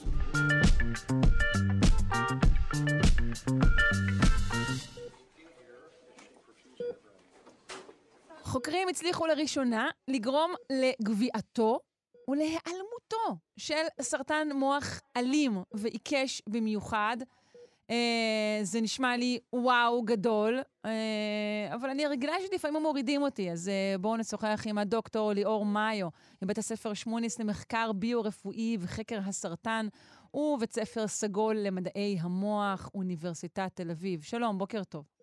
בוקר טוב, שרון, מה שלומך? אני בסדר, ואיך אתה? בסדר גמור. יופי, אה, ויש לך גם סיבה טובה, אה, לפחות לפי מה שזה נראה לי. קודם כל, אה, בוא נשאל על איזה סרטן מדובר. מדובר בסרטן מסוג אה, גליובסטומה, שהוא סרטן מוח ממאיר במיוחד, עם אה, אחוזי אה, שרידות לא גבוהים, אה, סרטן שאנחנו נאבקים בו כבר הרבה מאוד מאוד שנים. במשך ה-40-50 שנה האחרונות לא ממש הצלחנו להשיג התקדמות משמעותית במלחמה כנגדו. פשוט ככה. אז הוא גם קטלני וגם עקשן. Uh, כן, כן, למדי. Uh, סרטני המוח הם בדרך כלל מאוד מאוד בעייתיים לטיפול, כי המוח הוא איבר, איבר מאוד מוגן. אז כן. קשה מאוד להעביר כימותרפיה, קשה מאוד לנתח מוח, כי את יודעת, לא כל אזור המוח אנחנו יכולים לנתח בו באמת. אז יש הרבה מאוד אתגרים אה, מול טיפולים בסרטני מוח. כן, וכאן תקפתם את הבעיה מכיוון אחר לגמרי. כן, למעשה, כל השנים אנשים מסתכלים בעיקר על גידולים, ואז הם מנסים לתקוף את הגידול עצמו. או שהם מנסים לתקוף את מערכת, לשחק עם מערכת החיסון שתוקפת את הגידול. כן. עכשיו, אנחנו אמרנו דבר כזה, בואו נחשוב רגע, יש לנו איזה מפעל מאוד מאוד עצום שהוא מוגן בגדר. המפעל הוא הסרטן, הגדר זה מערכת החיסון. מה שאנשים עושים עד היום זה לנסות לפגוע, לעבור את הגדר ולפגוע במפעל. מה אם נעשה משהו אחר לגמרי? מה אם פשוט נסגור את השלטר למפעל הזה? ונוריד את החשמל והמפעל יפסיק לעבוד. וזה בדיוק מה שעשינו. וואו, אוקיי. לא ניסינו להילחם בו, לא ניסינו לתקוף אותו, פשוט סגרנו לו את האנרגיה. אין חשמל. לא עובדים. אוקיי, עכשיו אתה חייב לעזוב את המטאפורה ולהסביר לנו על, על, על איזה חשמל מדובר. אוקיי, אז בעצם מה שאנחנו עשינו, אם נחזור למדע, אה, זה להסתכל על האוכלוסיות של תאים שנמצאות סביב הגידול. ומצאנו שיש אוכלוסיית תאים שנקראת אסטרוציטים. שהם נקראים אסטרוציטים בגלל המילה סטאר, הם ממש נראים כמו כוכב, הם תאים יפהפיים. ומצאנו שהגידול גורם להם בעצם להתגייס ולשרת אותו. והצורה שהוא עושה את זה, הוא עושה את זה בכמה צורות, אבל הצורה שנדבר עליה היום היא בזה שהוא גורם להם להעביר לו כולסטרול. ועל פניו את אומרת לעצמך כולסטרול, מה זה משנה? הגוף מלא בכולסטרול, למרביתנו יש יותר מדי. אבל אם אני אחזור שנייה מה שאמרתי מקודם, למחסום דם מוח הזה שמגן על המוח, כולסטרול מהגוף לא יכול לעבור אל המוח. צריך לייצר כולסטרול מחדש במוח עבור תאים במוח. אוקיי. Okay. ומסתבר שגידולי סרטן, גידולי מוח אה, אה, מסוג גלבסטומה וגם כנראה גידולים אחרים, מאוד תלויים באספקה התמידית הזו של כולסטרול בתור מקור אנרגיה עבורם. וכאשר אנחנו בעצם מונעים מאותם אסטרוציטים, אותם תאים שמקיפים את הגידול, לשחרר לו כולסטרול, כדי שהוא יוכל להשתמש בו כלגדול ולצמוח ולשגשג, אנחנו בעצם מרעיבים את הגידול והגידולים נעלמים. וואו, אבל איך, איך מונעים את זה מהם? אז אנחנו עושים את זה בכל מיני כן. מניפולציות. יש דברים שעשינו שאפשר לעשות רק בעכברים, ואותם אה, אנחנו לא כל כך יכולים לשחזר בבני אדם. אבל מרגע שזיהינו את המסלולים ואת החלבונים הספציפיים בתהליך, את הגנים הספציפיים בתהליך שפעילים כאן, זה מביא אותנו לעולם אחר לגמרי, שבו אנחנו יכולים לתכנן תרופות, או להשתמש בתרופות קיימות, כדי לתקוף את המסלול הזה ולמנוע את המעבר של הכולסטרול בין התאים. ואז למעשה להרעיב את הגידול. אוקיי, עשיתם ניסוי על עכברים וזה פשוט עבד, כן? כן, בעכברים זה עבד בצורה מדהימה. עכשיו, לא רק עשינו את זה בעכברים, גם עשינו את זה בתאים שהפקנו אה, מגידולים של בני אדם, וגם קודם בדקנו שמה שאנחנו מקבלים גם רלוונטי לבני אדם על בסיס הרבה מאוד דאטאבייסים, אה, אה, מאגרי מידע, שיש לנו לגבי איך חולי סרטן מסוג, מסוג הזה מתנהגים ואיך הפרופיל הגנטי שלהם מתאים לפרופיל שרידות שלהם. ואנחנו באמת רואים שכל הסיפור הזה מתחבר לכדי אמירה מאוד מאוד חזקה ומאוד קוהרנטית. פשוט להפסיק את, ה, את, את מה שהאסטרוציטים, אס, איך אמרת? אסטרוציטים. כן. יש מה שהם עושים, אוקיי, הבנתי. אה, טוב, אנשים שומעים ואומרים, אוקיי, גבר, מתי? אז מתי זו שאלה טובה. השאלה מה נצליח לעשות. אנחנו כרגע מנסים לעשות שני דברים שונים. אחד, אנחנו מנסים לקחת תרופות קיימות לטיפול בכולסטרול, mm-hmm. כי כידוע לך, כולסטרול זה בעיה שעולם הרפואה מתמודד כבר די הרבה זמן. כן. ואנחנו מנסים לראות אם אנחנו יכולים להשתמש בהם לטיפול בסרטן המוח, לתרופות מסוימות שמשפיעות למסלול שאנחנו צריכים בכולסטרול. עכשיו, אם נצליח לעשות את זה, אז יש תהליך שנקרא repurposing, אה, אה, הגדרת, אה, הגדרה של התוויה חדשה לתרופה. ואז mm. המעבר לקליניקה הוא יחסית מהר, כי התרופה אותי כבר עברה את כל האישורי FDA ואת כל הבדיקות בטיחות ואת כן. כל המיליונים שאת צריכה להשקיע. אבל עכשיו אנחנו עושים איתה משהו אחר, כי גילינו אה, אפקט, אפקט משני או אפקט אחר שהיא עושה. כן. בדיוק. Okay. אוקיי. אז זה אנחנו מנסים לעשות מצד אחד. בערוץ השני אנחנו גם מתכננים ממש אה, אה, דרגס חדשים ודרכים חדשות לפגוע במסלול הזה, אה, כדי שאם האופציה א' לא תעבוד, יהיה לנו בעצם גיבויים יותר ספציפיים, יותר מדויקים, כדי לפגוע במסלול הזה, אבל זה מסלול שייקח הרבה יותר זמן. כן, אני משוכנעת. יש איזושהי דרך, אנחנו שואלים את עצמנו, שאנחנו, לא יודעת מה, בתזונה או בכל דבר אחר יכולים אה, אה, למנוע את הייצור של הכולסטרול הזה, אה, אם אנחנו... ככל הנראה? לא, כי כמו לא. שאמרתי, יש הבדל מאוד משמעותי בין הכולסטרול של הגוף לכולסטרול של המוח. אבל אז אמרת לי שהתרופה מאגרים... נגד כולסטרול עשויה לפעול גם פה, אז ישר אמרתי, טוב, אוקיי. מבין? כן, אבל בשביל זה אנחנו צריכים למצוא תרופות שמסוגלות לעבור את המחסום דם מוח, mm. ומסוגלות להגיע לאזור שאנחנו רוצים, ולפעול על המסלול הספציפי שאנחנו רוצים. כן. יש מסלולים של כולסטרול שאנחנו רואים שלא לא יעזרו לנו. אנחנו צריכים למצוא משהו מאוד מאוד נקודתי למה שאנחנו מחפשים כדי שזה יעשה את זה. כן. אמ, ואנחנו חושבים שאולי יש לנו שתי אפשרויות כאלה, אבל אנחנו עובדים על זה עכשיו. טוב, מה... אה, אה, פרסמתם את, ה, את, ה, אה, את פריצת הדרך הזאת בכתב העת היוקרתי Brain. תגובות קצת שקיבלת? התגובות היו נהדרות, אפילו קיבלנו מהאורחים של העיתון קומנטרי, מאמר פרשנות על המאמר שלנו. שזה דרך של העיתון ממש להדגיש את המאמר, שזה היה מאוד כן. מאוד מרגש. זה מאוד כיף לראות שמישהו אחר כותב מאמר על המאמר שלך. כן. וכן, עכשיו אנחנו מנסים ממש לגייס את המשאבים הנדרשים כדי שנוכל להמשיך את המחקרים האלה ולקדם את זה גם לעוד סוגי סרטן ולעוד מולקולות ולעוד היבטים בתהליך הזה. זה באמת, זה מאוד מאוד מרתק, מאוד טוב, מאתגר. נהדר. הזדרזו נא, נתפלל משאבים בהקדם. דוקטור ליאור מאיו, מבית הספר שמוניס למחקר ביו-רפואי וחקר הסרטן ובית ספר סגול למדעי המוח, אוניברסיטת תל אביב. אני ואנחנו מודים לך מאוד. תודה רבה. ביי. ביי ביי.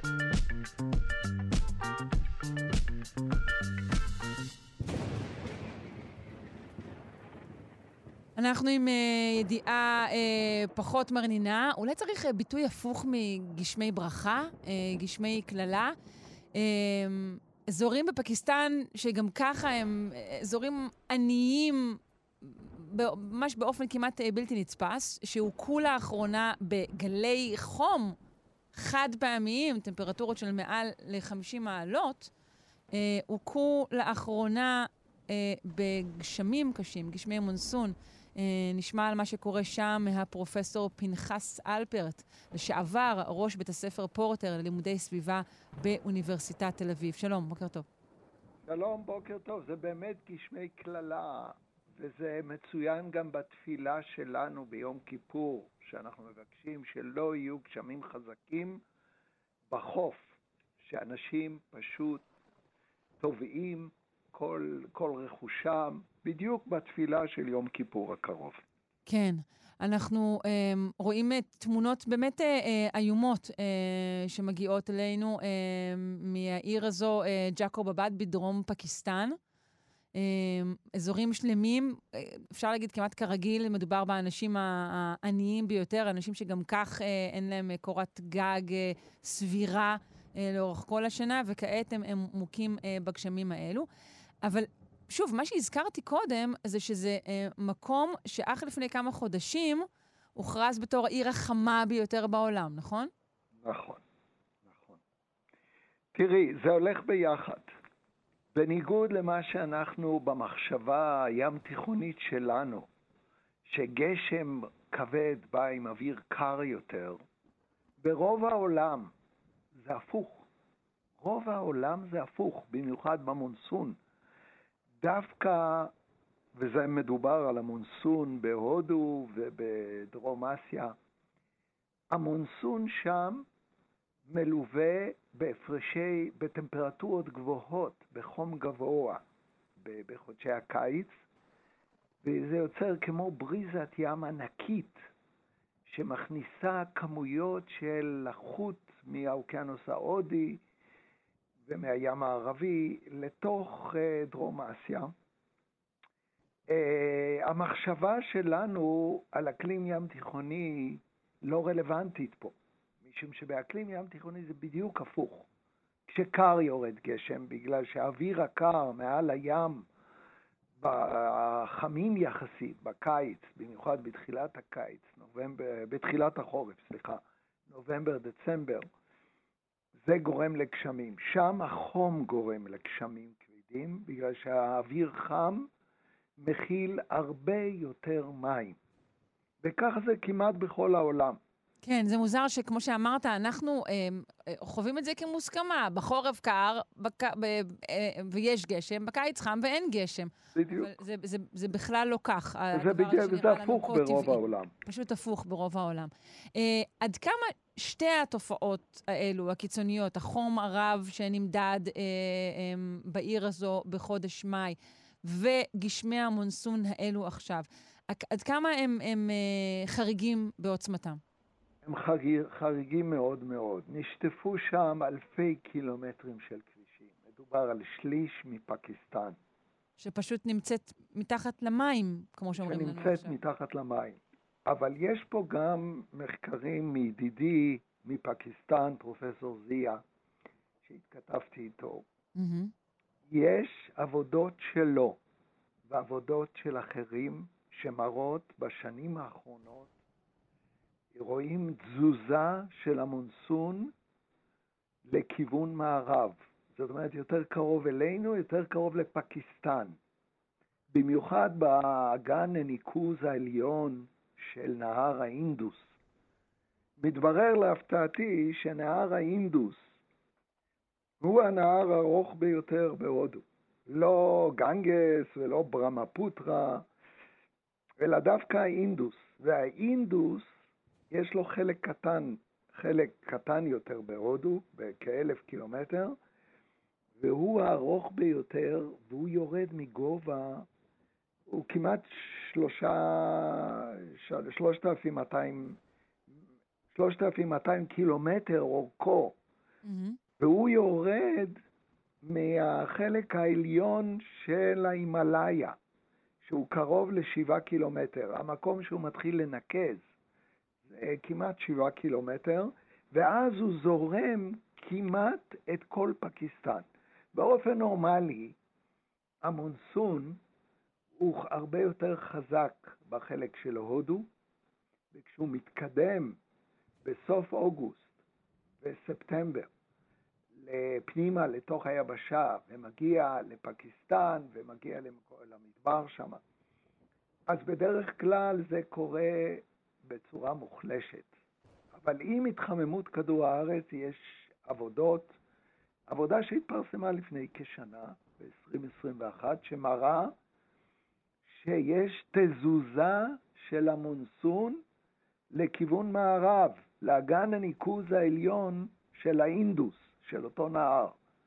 ולכן מאוד ייתכן, גם לפי המחקר הזה וגם לפי מחקרים דומים לו, שאנחנו רואים מגמה.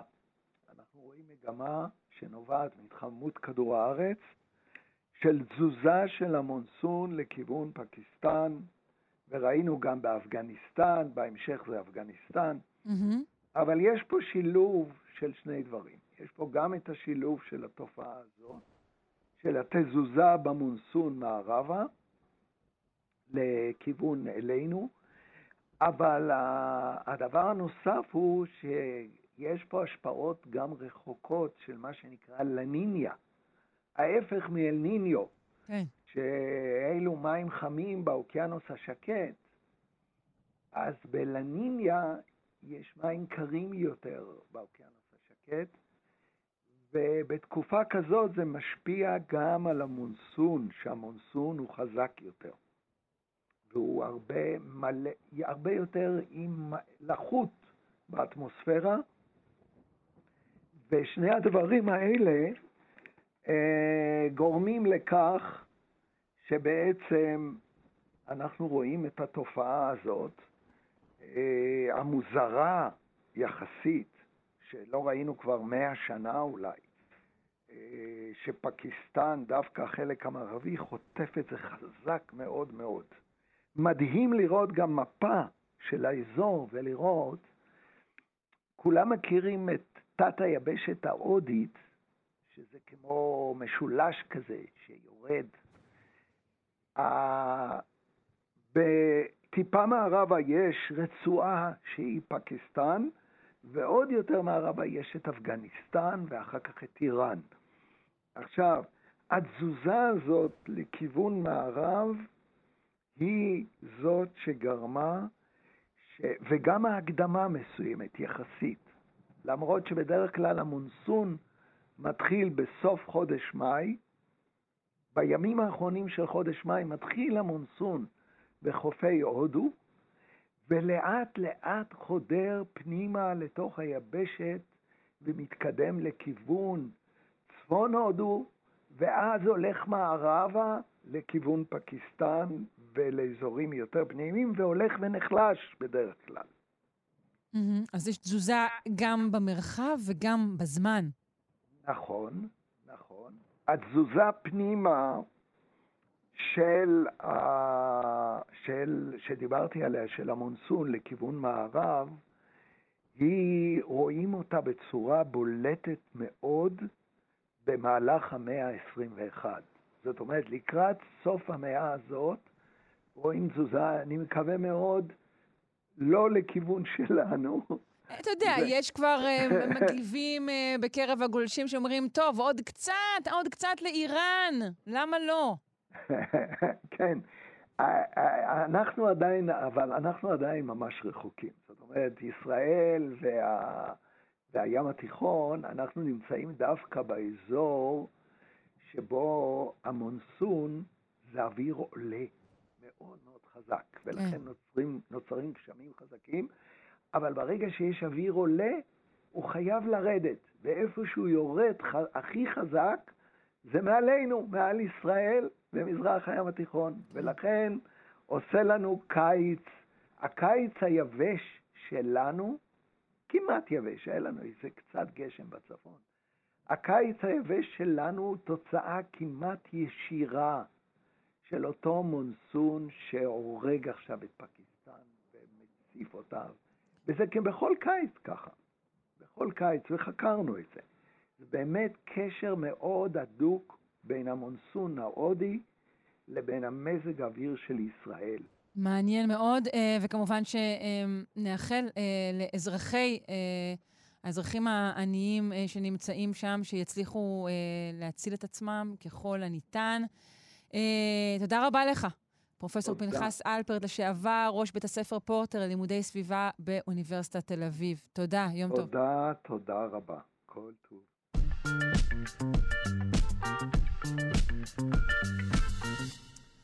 אנחנו ממשיכים עם ענייני אקלים, אה, משהו שנראה כאילו העולם הופך לאיזה מיצג בביאנלה. אה, פיתוח חדש מ-MIT מציע לשגר לחלל בועות ענק, שישמשו מגן מפני קרינת השמש. האם זה פתרון הגיוני למשבר האקלים, או תהליך יומרני שלא אה, נדע איך הוא יסתיים? אה, בפינת האקולוגיה שלנו לשוחח אה, כרגיל עם הדוקטור עדי לוי מהאגודה הישראלית לאקולוגיה ולמדעי הסביבה וראש החטיבה לסביבה וקיימות במכללה האקדמית אחווה. היי. היי, בוקר טוב. בוקר טוב. בועות ענק, מה, איך, למה? למה זו שאלה טובה? אה, למה אה, בכלל לחשוב על כיוונים כאלה?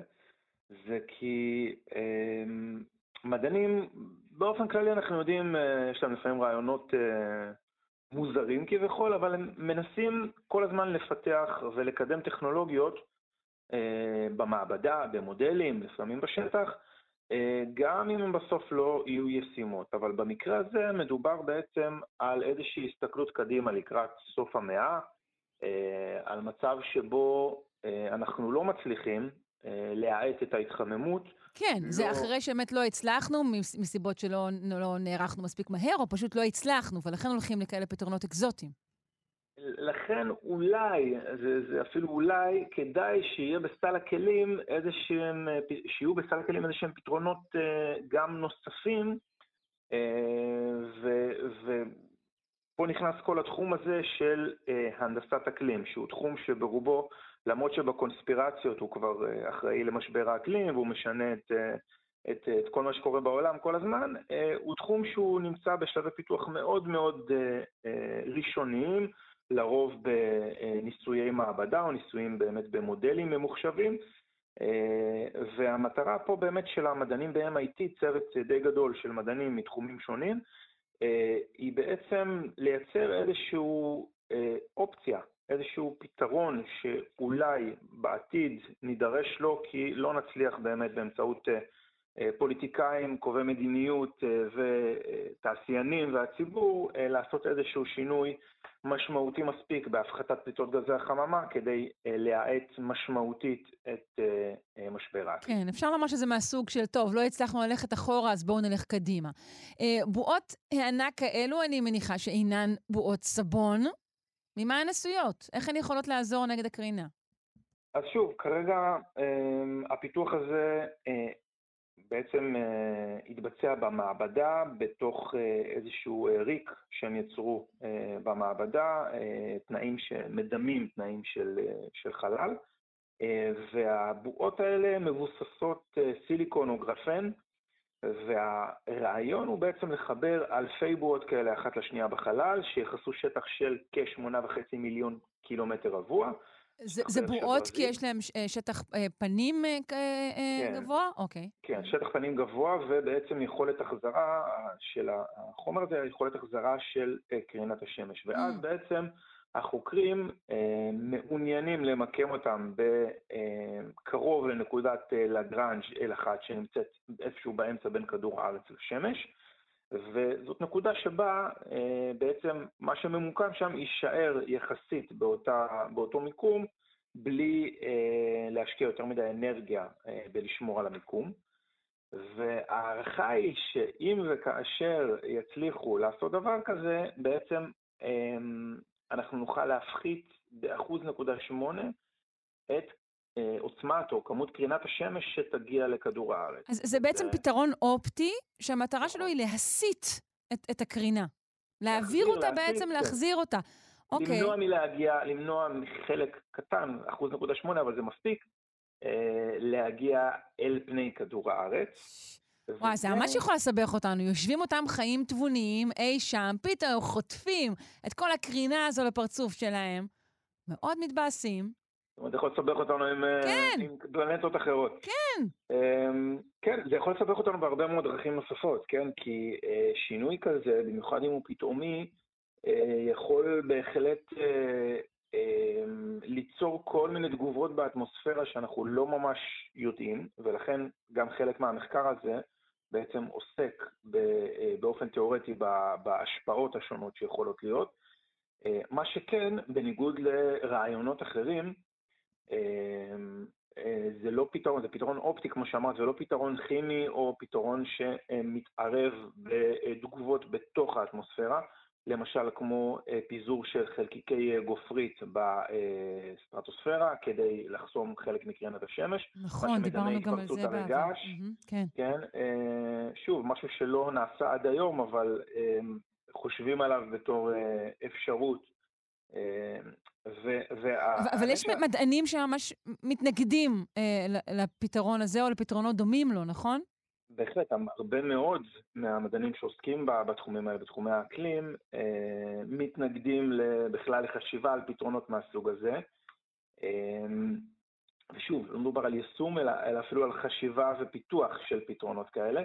אה, יש מכתב אה, עמדה שלאחרונה חתמו עליו למעלה מ-300 מדענים שקורא לאסור שימוש בשיטות שמשנות את עוצמת קרינת השמש, והטענה היא בסופו של דבר שאנחנו לא יודעים מספיק מה יהיו ההשלכות אה, כשאנחנו אה, מנסים לחסום חלק מקרינת השמש. בעצם יצרנו בעיה, יצרנו אה, פליטה של אה, כמות אדירה של גזי חממה שמעלים את הטמפרטורה, ואז אנחנו אומרים, אה, אוקיי, יצרנו בעיה, בואו אה, נפתור אותה על ידי זה שנעשה עוד שינוי במקום לצמצם את השינוי כן, ש... אבל, ש... אבל אין ספק שמדובר על פתרון ששמור לזמן שבו האש מגיעה לחדר, נכון, לקפוץ מהחלון בקומה 50 זה לא רעיון טוב, אבל זה או שאתה עושה את זה או שאתה נשרף. נגיד, אה, האמת שבמקרה הזה התוצאות הן די זהות. די דומות, אה, נכון, אבל שם כן. יש לך איזה הימור, אולי מחכה לך, מחכה לך איזו. זהו, אז השאלה, השאלה פה, ובעצם ההתנגדות של לא מעט מדענים, האם בכלל כדאי לנו לקחת הימור כזה? כן, כן. אה, אגב, רק, רק לא לסיום, בעצם לא שאלתי אותך, איך הם, איך הם חושבים על איך לשגר את הבועות האלו לחלל?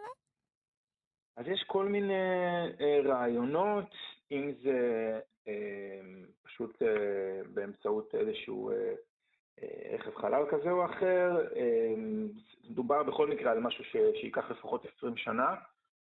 באופן תיאורטי, יכול להיות שישתמשו אמ, במכשור אלקטרומגנטי בעצם, תותח כזה אלקטרומגנטי שבעצם יכול ליצור, להאיץ חומרים בצורה מאוד מהירה וככה לשגר אותם.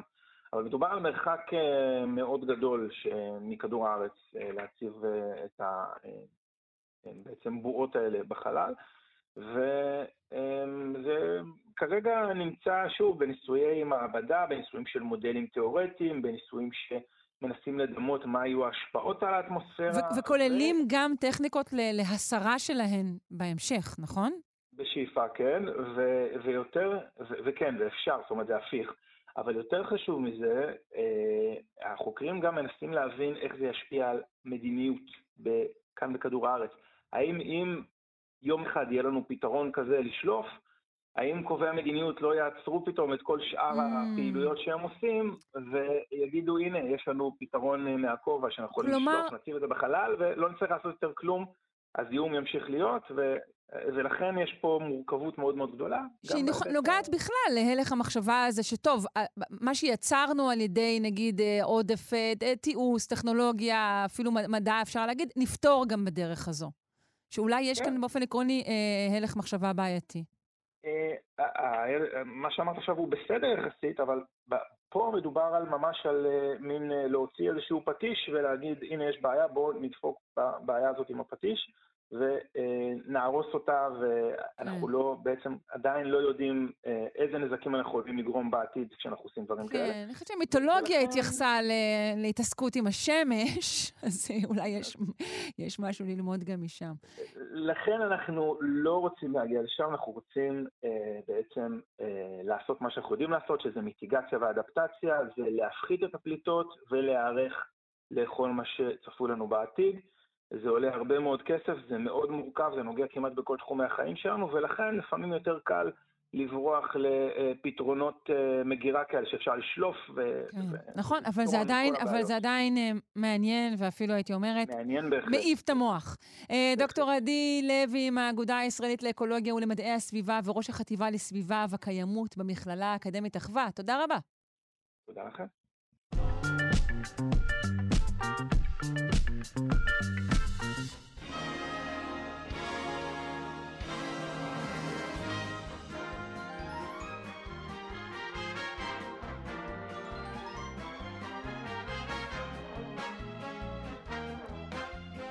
שלום, ליונתן גת, מה שלומך? היי, שרון, היי, אני בסדר, היי. מה שלומך? מרצה על תרבות, חוקר תרבות, אני בסדר. מה הבאת לנו היום? הבאתי לך עוד גבייה. אוי, אני אוהבת שמביאים לי גוויות. הייתה לי גם חתולה שהייתה עושה את זה. אני חושב שגם גיבורת התרבות שאנחנו נדבר עליה היום הייתה מאוד שמחה על הפתיח הזה. נכון. אה, הנה, הבאנו עוד גבייה לאולפן. כי ככה היא הייתה מדברת. קוראים לה ג'ון ריברס, המנוחה. הייתה סטנדאפיסטית אה, מאוד אה, פופולרית, מאוד בוטה, מאוד מאוד חצופה. ואני חושב שהייתה מאוד שמחה אם היינו חצופים גם בפינה עליה. אנחנו מדברים על סטנדאפיסטית יהודייה ניו יורקית. כן, נולדה בשם שמסגיר את, את יהדותה יותר מאשר ג'ואן ריברס. כן, תגידי. כן, היא נולדה בשם ג'ואן אלכסנדרה מולינסקי. בדיוק. תמיד, תמיד אפשר למצוא שם את וודי אלן, ותמיד אלן סטיוארט קונינסברג, ודני קיי, שזה דניאל קומינסקי, ובסוף זה שמות שמגיעים מה... כן, מהעלייה השנייה, כן. נכון. ואנחנו מדברים על מישהי שבעצם רצתה והצליחה לשבור את ה-PC האמריקאי שביקש לשמור על קוד של דיבור נקי כחלק מהגל, כמובן, חלק מה, מהחינוך הנוצרי האמריקאי. אנשים חושבים שארצות הברית היא מדינה מאוד חופשית, ליברלית, כמובן, עד שראינו עכשיו את החוק נגד הפלות, כולנו הבנו שזה לא ככה, אבל עד אז... לא, זה מקום דתי ושמרני גם, שוב, הוא מכיל, מקום שמכיל סתירות בראש ובראשונה, לפני שנחליט לכאן ולכאן. נכון, אבל בכל זאת, הברית היא מדינה שמרנית ומאוד מאוד נוצרית. אגב, כל תעשיית הקולנוע מושפעת מאוד מאוד מה... נושא הנוצרי, העללת בני אדם, את יודעת, ישו, שהוא היה גם בן אדם וגם אל, אז רואים שכל תעשיית הקולנוע פרחה בארצות הברית כחלק מההשפעה הזאת הנוצרית, של להפוך אנשים לכוכבים. בכל מקרה... כן, כן. זה למדנו ממורנו פרופסור עמי קמחי. בכל מקרה, אז ג'ון ריברס בעצם פועלת ב, במדינה מאוד שמרנית, כאשר היכולת לשבור את, ה, את הפרדיגמה השמרנית היא דרך הומור כמובן. היא דרך הומור, ואני חושבת שבראש ובראשונה הומור עצמי, שזה אולי מה שייחד אותה כמעט יותר מהכל. הומור עצמי, שלפעמים נשמע כי כאילו אם היית משנה שם איזה מילה והופכת את המשפט של הרציני, זה היה משהו שהיו, שהיו אה, אה, אה, אה, זורקים בן אדם מהמדינה, מגרשים אותו, ואת מגלים אותו. אה, למשל, אני אתן לך דוגמה. כן. אני מקווה שאנשים יצליחו לעמוד בזה, כן? הצופים שלנו זה אנשים, המאזינים, סליחה, הם אנשים מאוד חזקים, כן. למשל, היא אמרה, אחרי הספטמבר 11, פיגוע התאומים, נהרגו שם משהו כמו, אני לא זוכר, תסלחי לי, אני לא זוכר את המספר, משהו כמו 3,000 ומשהו אה, אנשי אה, עסקים. והיא אמרה, אתם יודעים, אה, אה, שניים, אה, אחד מכל שני זוגות מתגרש. אתם רוצים להגיד שאף אישה לא קפצה משמחה? אוקיי. לא יודע, אותי זה נורא מצחיק, אבל כן, להגיד כן. דבר כזה בארצות הברית, נכון, זמן ממושך אחרי שזה קרה, אבל לא המון, עשר שנים אחר כך. תחת השטג too soon זה לא היה, אבל כן. כן, משהו כמו עשר שנים אחר כך, לא, לא הרבה הרבה הרבה לא, אחרי. לא, וכן, וגם זה אירוע שהוא, זה, כמו, זה, זה ביזוי של אירוע שאין לבזותו. בדיוק. אז זה עכשיו מתחילה להישאל השאלה, האם זה ביזוי? האם זה, זו דרך להתמודד עם אסון? האם זה, האם מותר לצחוק? את יודעת, תמיד אמרו לנו, אל תצחקו על השואה, תצחקו על השואה, כל מיני דברים כאלה פה בארץ. אבל האם זאת לא דרך אה, בריאה להתמודד עם טראומה לאומית, או שזה באמת אה, ביזוי המתים וכדומה? נכון, וכמובן שהיום אנחנו רואים איך כוחות אה, מימין ומשמאל אה, אה, משלבים ידיים כנגד הרצון הטבעי בסך הכל להתמודד עם דברים קשים על ידי הומור. נכון, נכון. וחוץ מזה, מי אמר שזה, יכול להיות שזה לבן אדם אחד מאוד מאוד קשה, ולבן אדם אחד פחות. בסדר, נכון, אבל כרגע, כרגע, ההווה כרגע תובע לציית לפי הקו של, של זה שיותר רגיש, ולא זה שפחות. נכון. אז זהו, אז נשאלת גם עוד שאלה, נגיד לבן משפחה שזה קרה לו, אז כן מותר לו, נגיד? אה, או למשל... היום, אה, היום לא, הטראומה לא שייכת לו, לא. לא, אבל נגיד, נגיד לשחורים, מותר להשתמש ב-N-word או איך?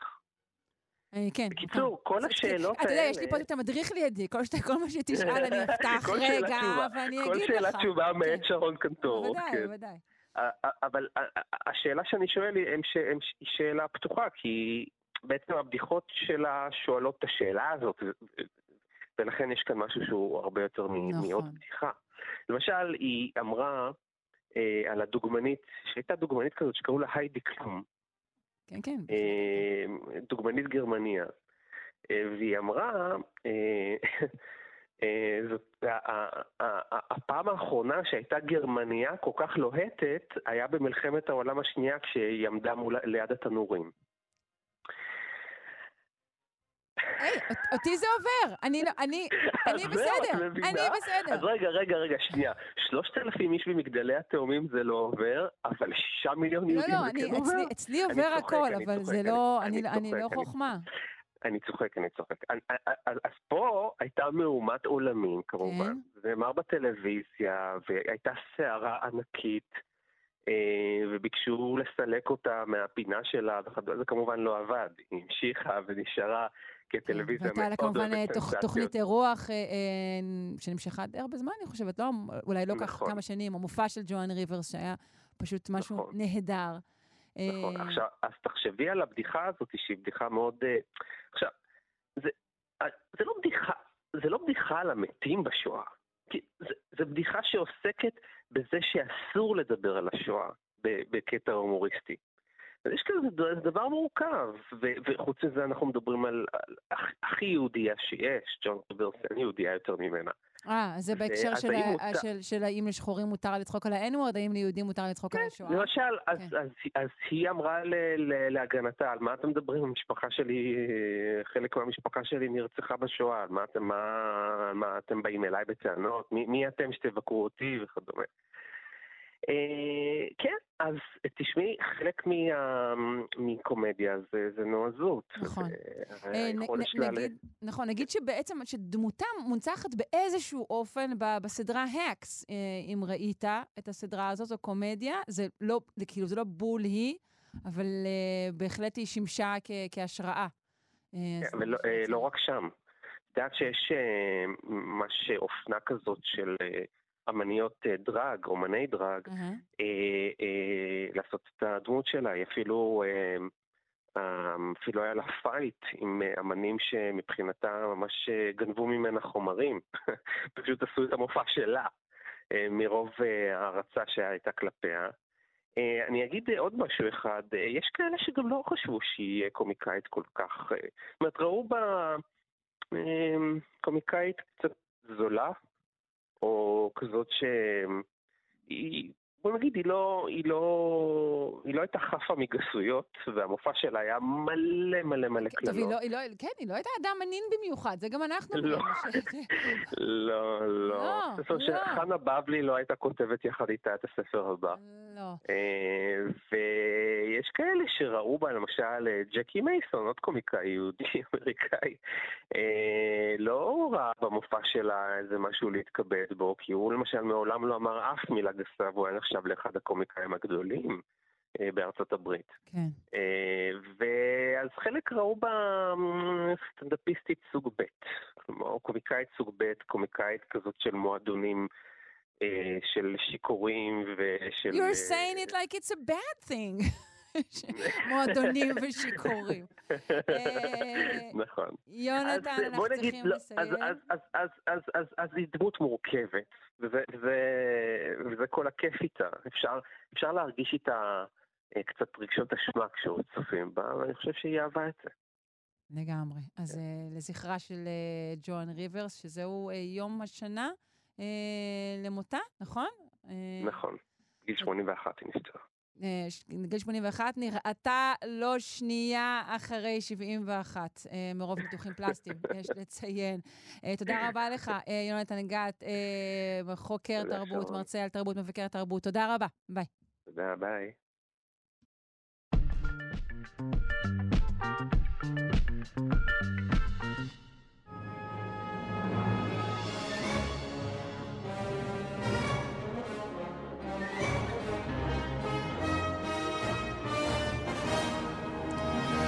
ההיסטוריה המטורפת של העולם עם ערן מנהר, עורך ומגיש ההסכת מנהר הזמן. והיום, איזה כיף, נוכל! אני אוהבת סיפורי נוכלים. נוכלות, נוכלות. נוכלות. אה, כן, אחד הנוכלים הגדולים בהיסטוריה, אה, שהונה אנשים בשתי יבשות ובשתי מאות, וכמה וכמה טכניקות. והמון טכניקות, כן. רוברט מילר, ככה הוא, לפחות ככה הוא נולד, בשנת 1890, כבר במאה ה-19. הוא נולד בבוואריה, באוסטרו-הונגריה בזמנו, הוא היה טראבל מייקר כבר מגיל צעיר. אה, כבר כנער הוא פרץ אל עולם הפשע והתקדם צעד אחר צעד אה, בסולם העבירות. אה, הוא טען שהוא נאלץ לגנוב כדי לשרוד, אבל אתה יודע, רק מאלה שהם היו אנשים לא ישרים ותאבי בצע בעצמם, מעין רובין הוד כזה. Mm, אוקיי. אז זה התחיל עם קיבוץ נדבות, אבל זה עבר מהר מאוד לקייסות וגנבות, ואז אה, שוד של אנשים ברחוב. כן, זה, ולכן- זה החלק הפחות אה, נעים ואקזוטי ומתוחכם. נכון, אני מזכיר, סוף המאה ה-19, תחילת המאה ה-20, ובתור בן אדם שכזה, הוא, אין פלא שהוא שינה את השם וקרא לעצמו ויקטור. הוא גם שינה את שם המשפחה. במקום רוברט מילר, עכשיו קראו לו ויקטור לוסטיק. אה, וזה כבר שם שמצלצל לנו מוכר. אה, עכשיו, זה לא הח- שהחיים שלו היו חיים של פושע נמלט, כן, או איזה עבריין אה, שמסתתר. הוא המשיך להצליח גם בלימודים, ולמד גם באוניברסיטה בפריז, ובגיל 19, במהלך אחת הוא החופשות... עשה, עשה הרבה כסף בשודים, ויכול היה להיכנס לאוניברסיטה בסוף. נכון. לא, הייתה לו משפחה סבבה. אוקיי. והבחור התחיל ללמוד ופיתח מומחיות במשחקי קלפים. אה, היה באמת שלט בקלפים, והיה את את כל הטריקים שאת אה, מכירה שעושים עם זריזות ידיים, הוא ידע לעשות. אה, הוא ממש, כל דבר עם חפיסת קלפים הוא יכל לעשות, אז הוא יצא להמר בפוקר וקצת ברידג', ואז הוא הוסיף לזה גם ביליארד, בקיצור, מה שאפשר להמר עליו. וזה לא שהוא לא היה חכם במיוחד, הוא היה, הוא שלט בגרמנית ובאנגלית ובצרפתית ובאיטלקית וגם בצ'כית, והרוויח מספיק כסף מההימורים, ולכן הוא הפסיק ללמוד. אז הוא יצא. אבל בסדר, בשביל להיות נוכל על, אנחנו כן צריכים כישורים. נכון, כישור, לאו דווקא השכלה. כן. כישורים בהחלט כן. ובסוף המאה ה-19, תחילת המאה ה-20, אין מטוסים, אז את גלי האוקיינוס, באוקיינוס האטלנטי, בין אירופה ואמריקה, קוראות אוניות, הפלגות קבועות, והוא מתחיל שם, הוא מתחיל בגדול בשיט תענוגות כזה, בכל מיני אוניות שיוצאות מצרפת לניו יורק, עם עשירי המדינה. הוא יצא לקרוזים מפנקים כאלה ומהמר, והוא עוזר לעשירי ההפלגה בעצם להיפטר מהמזומן שלהם.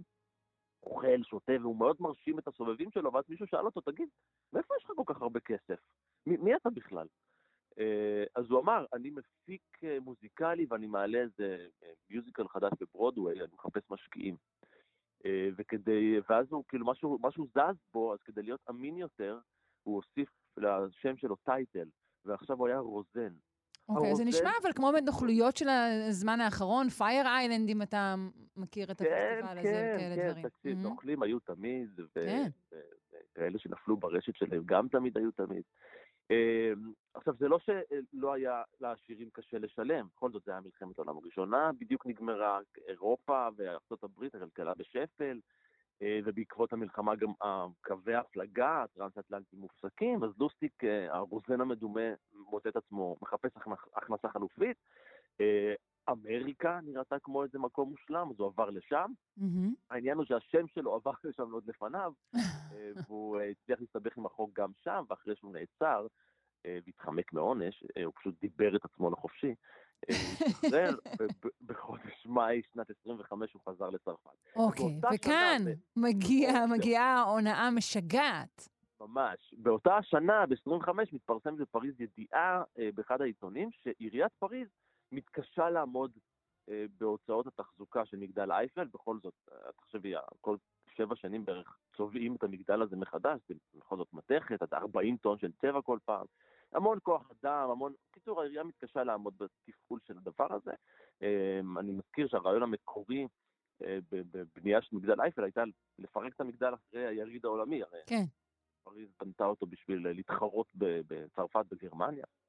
בקיצור, אה, והבניין, המגדל קיבל תוקף, אה, אישור בנייה בתוקף לעמוד עד 20 שנה, אז הוא היה אמור להתפנות עד 1909. בקיצור, המגדל נותר במקום, והידיעה בשנת 25 אמרה שיש איזה סקר בין התושבים, והתושבים אמרו שהם ממש ממש אה, לא בעד המונומנט המחליד הזה, ותיעבו אותו, ולוסטי קורא את הכתבה הזאת ויש לו רעיון.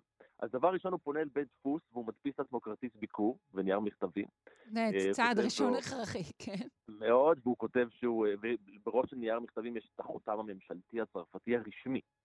ואז הוא אה, נכנס לפלאס דה לה קונקורד, נכנס אל מלון קרילון, והוא ניגש אל דלפק הקבלה והוא מציג את עצמו כסגן המפקח הכללי במשרד הדואר והתקשורת.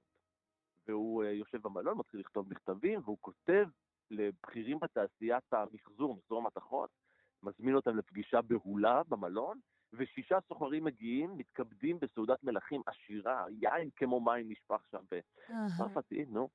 אה, ואז בפגישה הוא מגלה להם את הסוד הכי שמור בממשלת צרפת, מגדל אייפל הולך להימכר לתעשיית המתכת. רק אל תגידו כלום, כי זה סוד שמור, אם הציבור ידע תהיה מהומה. אה, ובקיצור, אה, הוא מקבע את המבט שלו על אנדרה פואזו. אה, שהוא אחד, אחד מה, מהסוחרים שהגיעו לפגישה הזו. בדיוק, כן, uh-huh. כן, הוא אומר להם, אני לא יכול לפרט יותר מדי, בעיות פוליטיות וזה, אבל יש לנו פה נטל, ואנחנו חייבים למכור, להרוס את המגדל. תנו מחיר, תנו הצעת מחיר. בדיוק, בדיוק. מה, מה, מה ההצעה הגבוהה ביותר תזכה? מכרז, ופואזו, העיניים שלו נוצצות.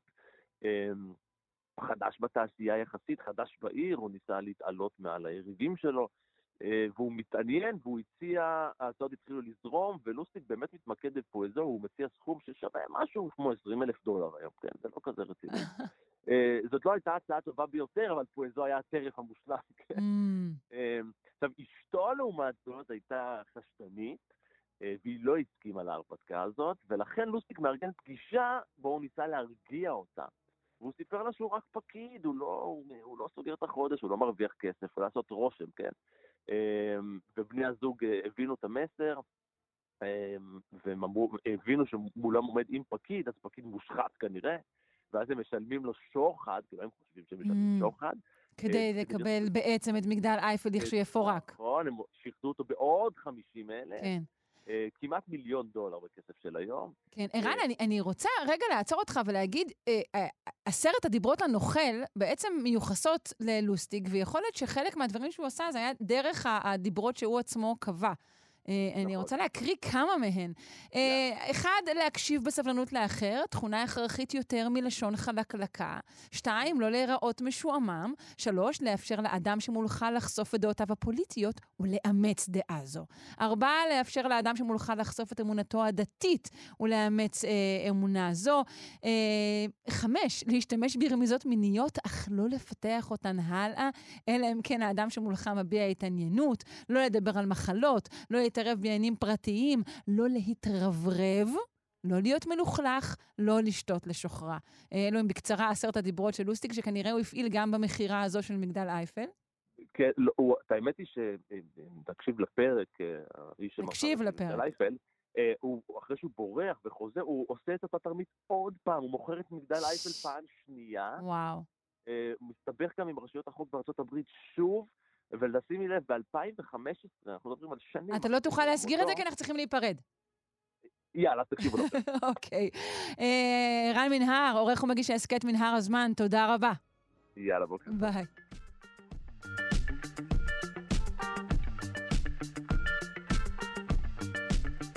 עד כאן אה, שלושה שיודעים להבוקר, אני מקווה ששיננתם היטב את עשרת הדיברות לנוכל ושלא תשתמשו בהם אף פעם. אה, העורך שלנו, רז חסון, המפיקה אלכס לויקר, על הביצוע הטכני אלון מקלר, אני שרון קנטור, מוזמנים גם לשידור החוזר, או להאזין לנו כרגיל כהסכת. אה, אחרינו, גם כן תרבות עם גואל פינטו, אתם כמובן מוזמנים להישאר כאן איתנו, בכאן תרבות. נתראה מחר, ביי ביי.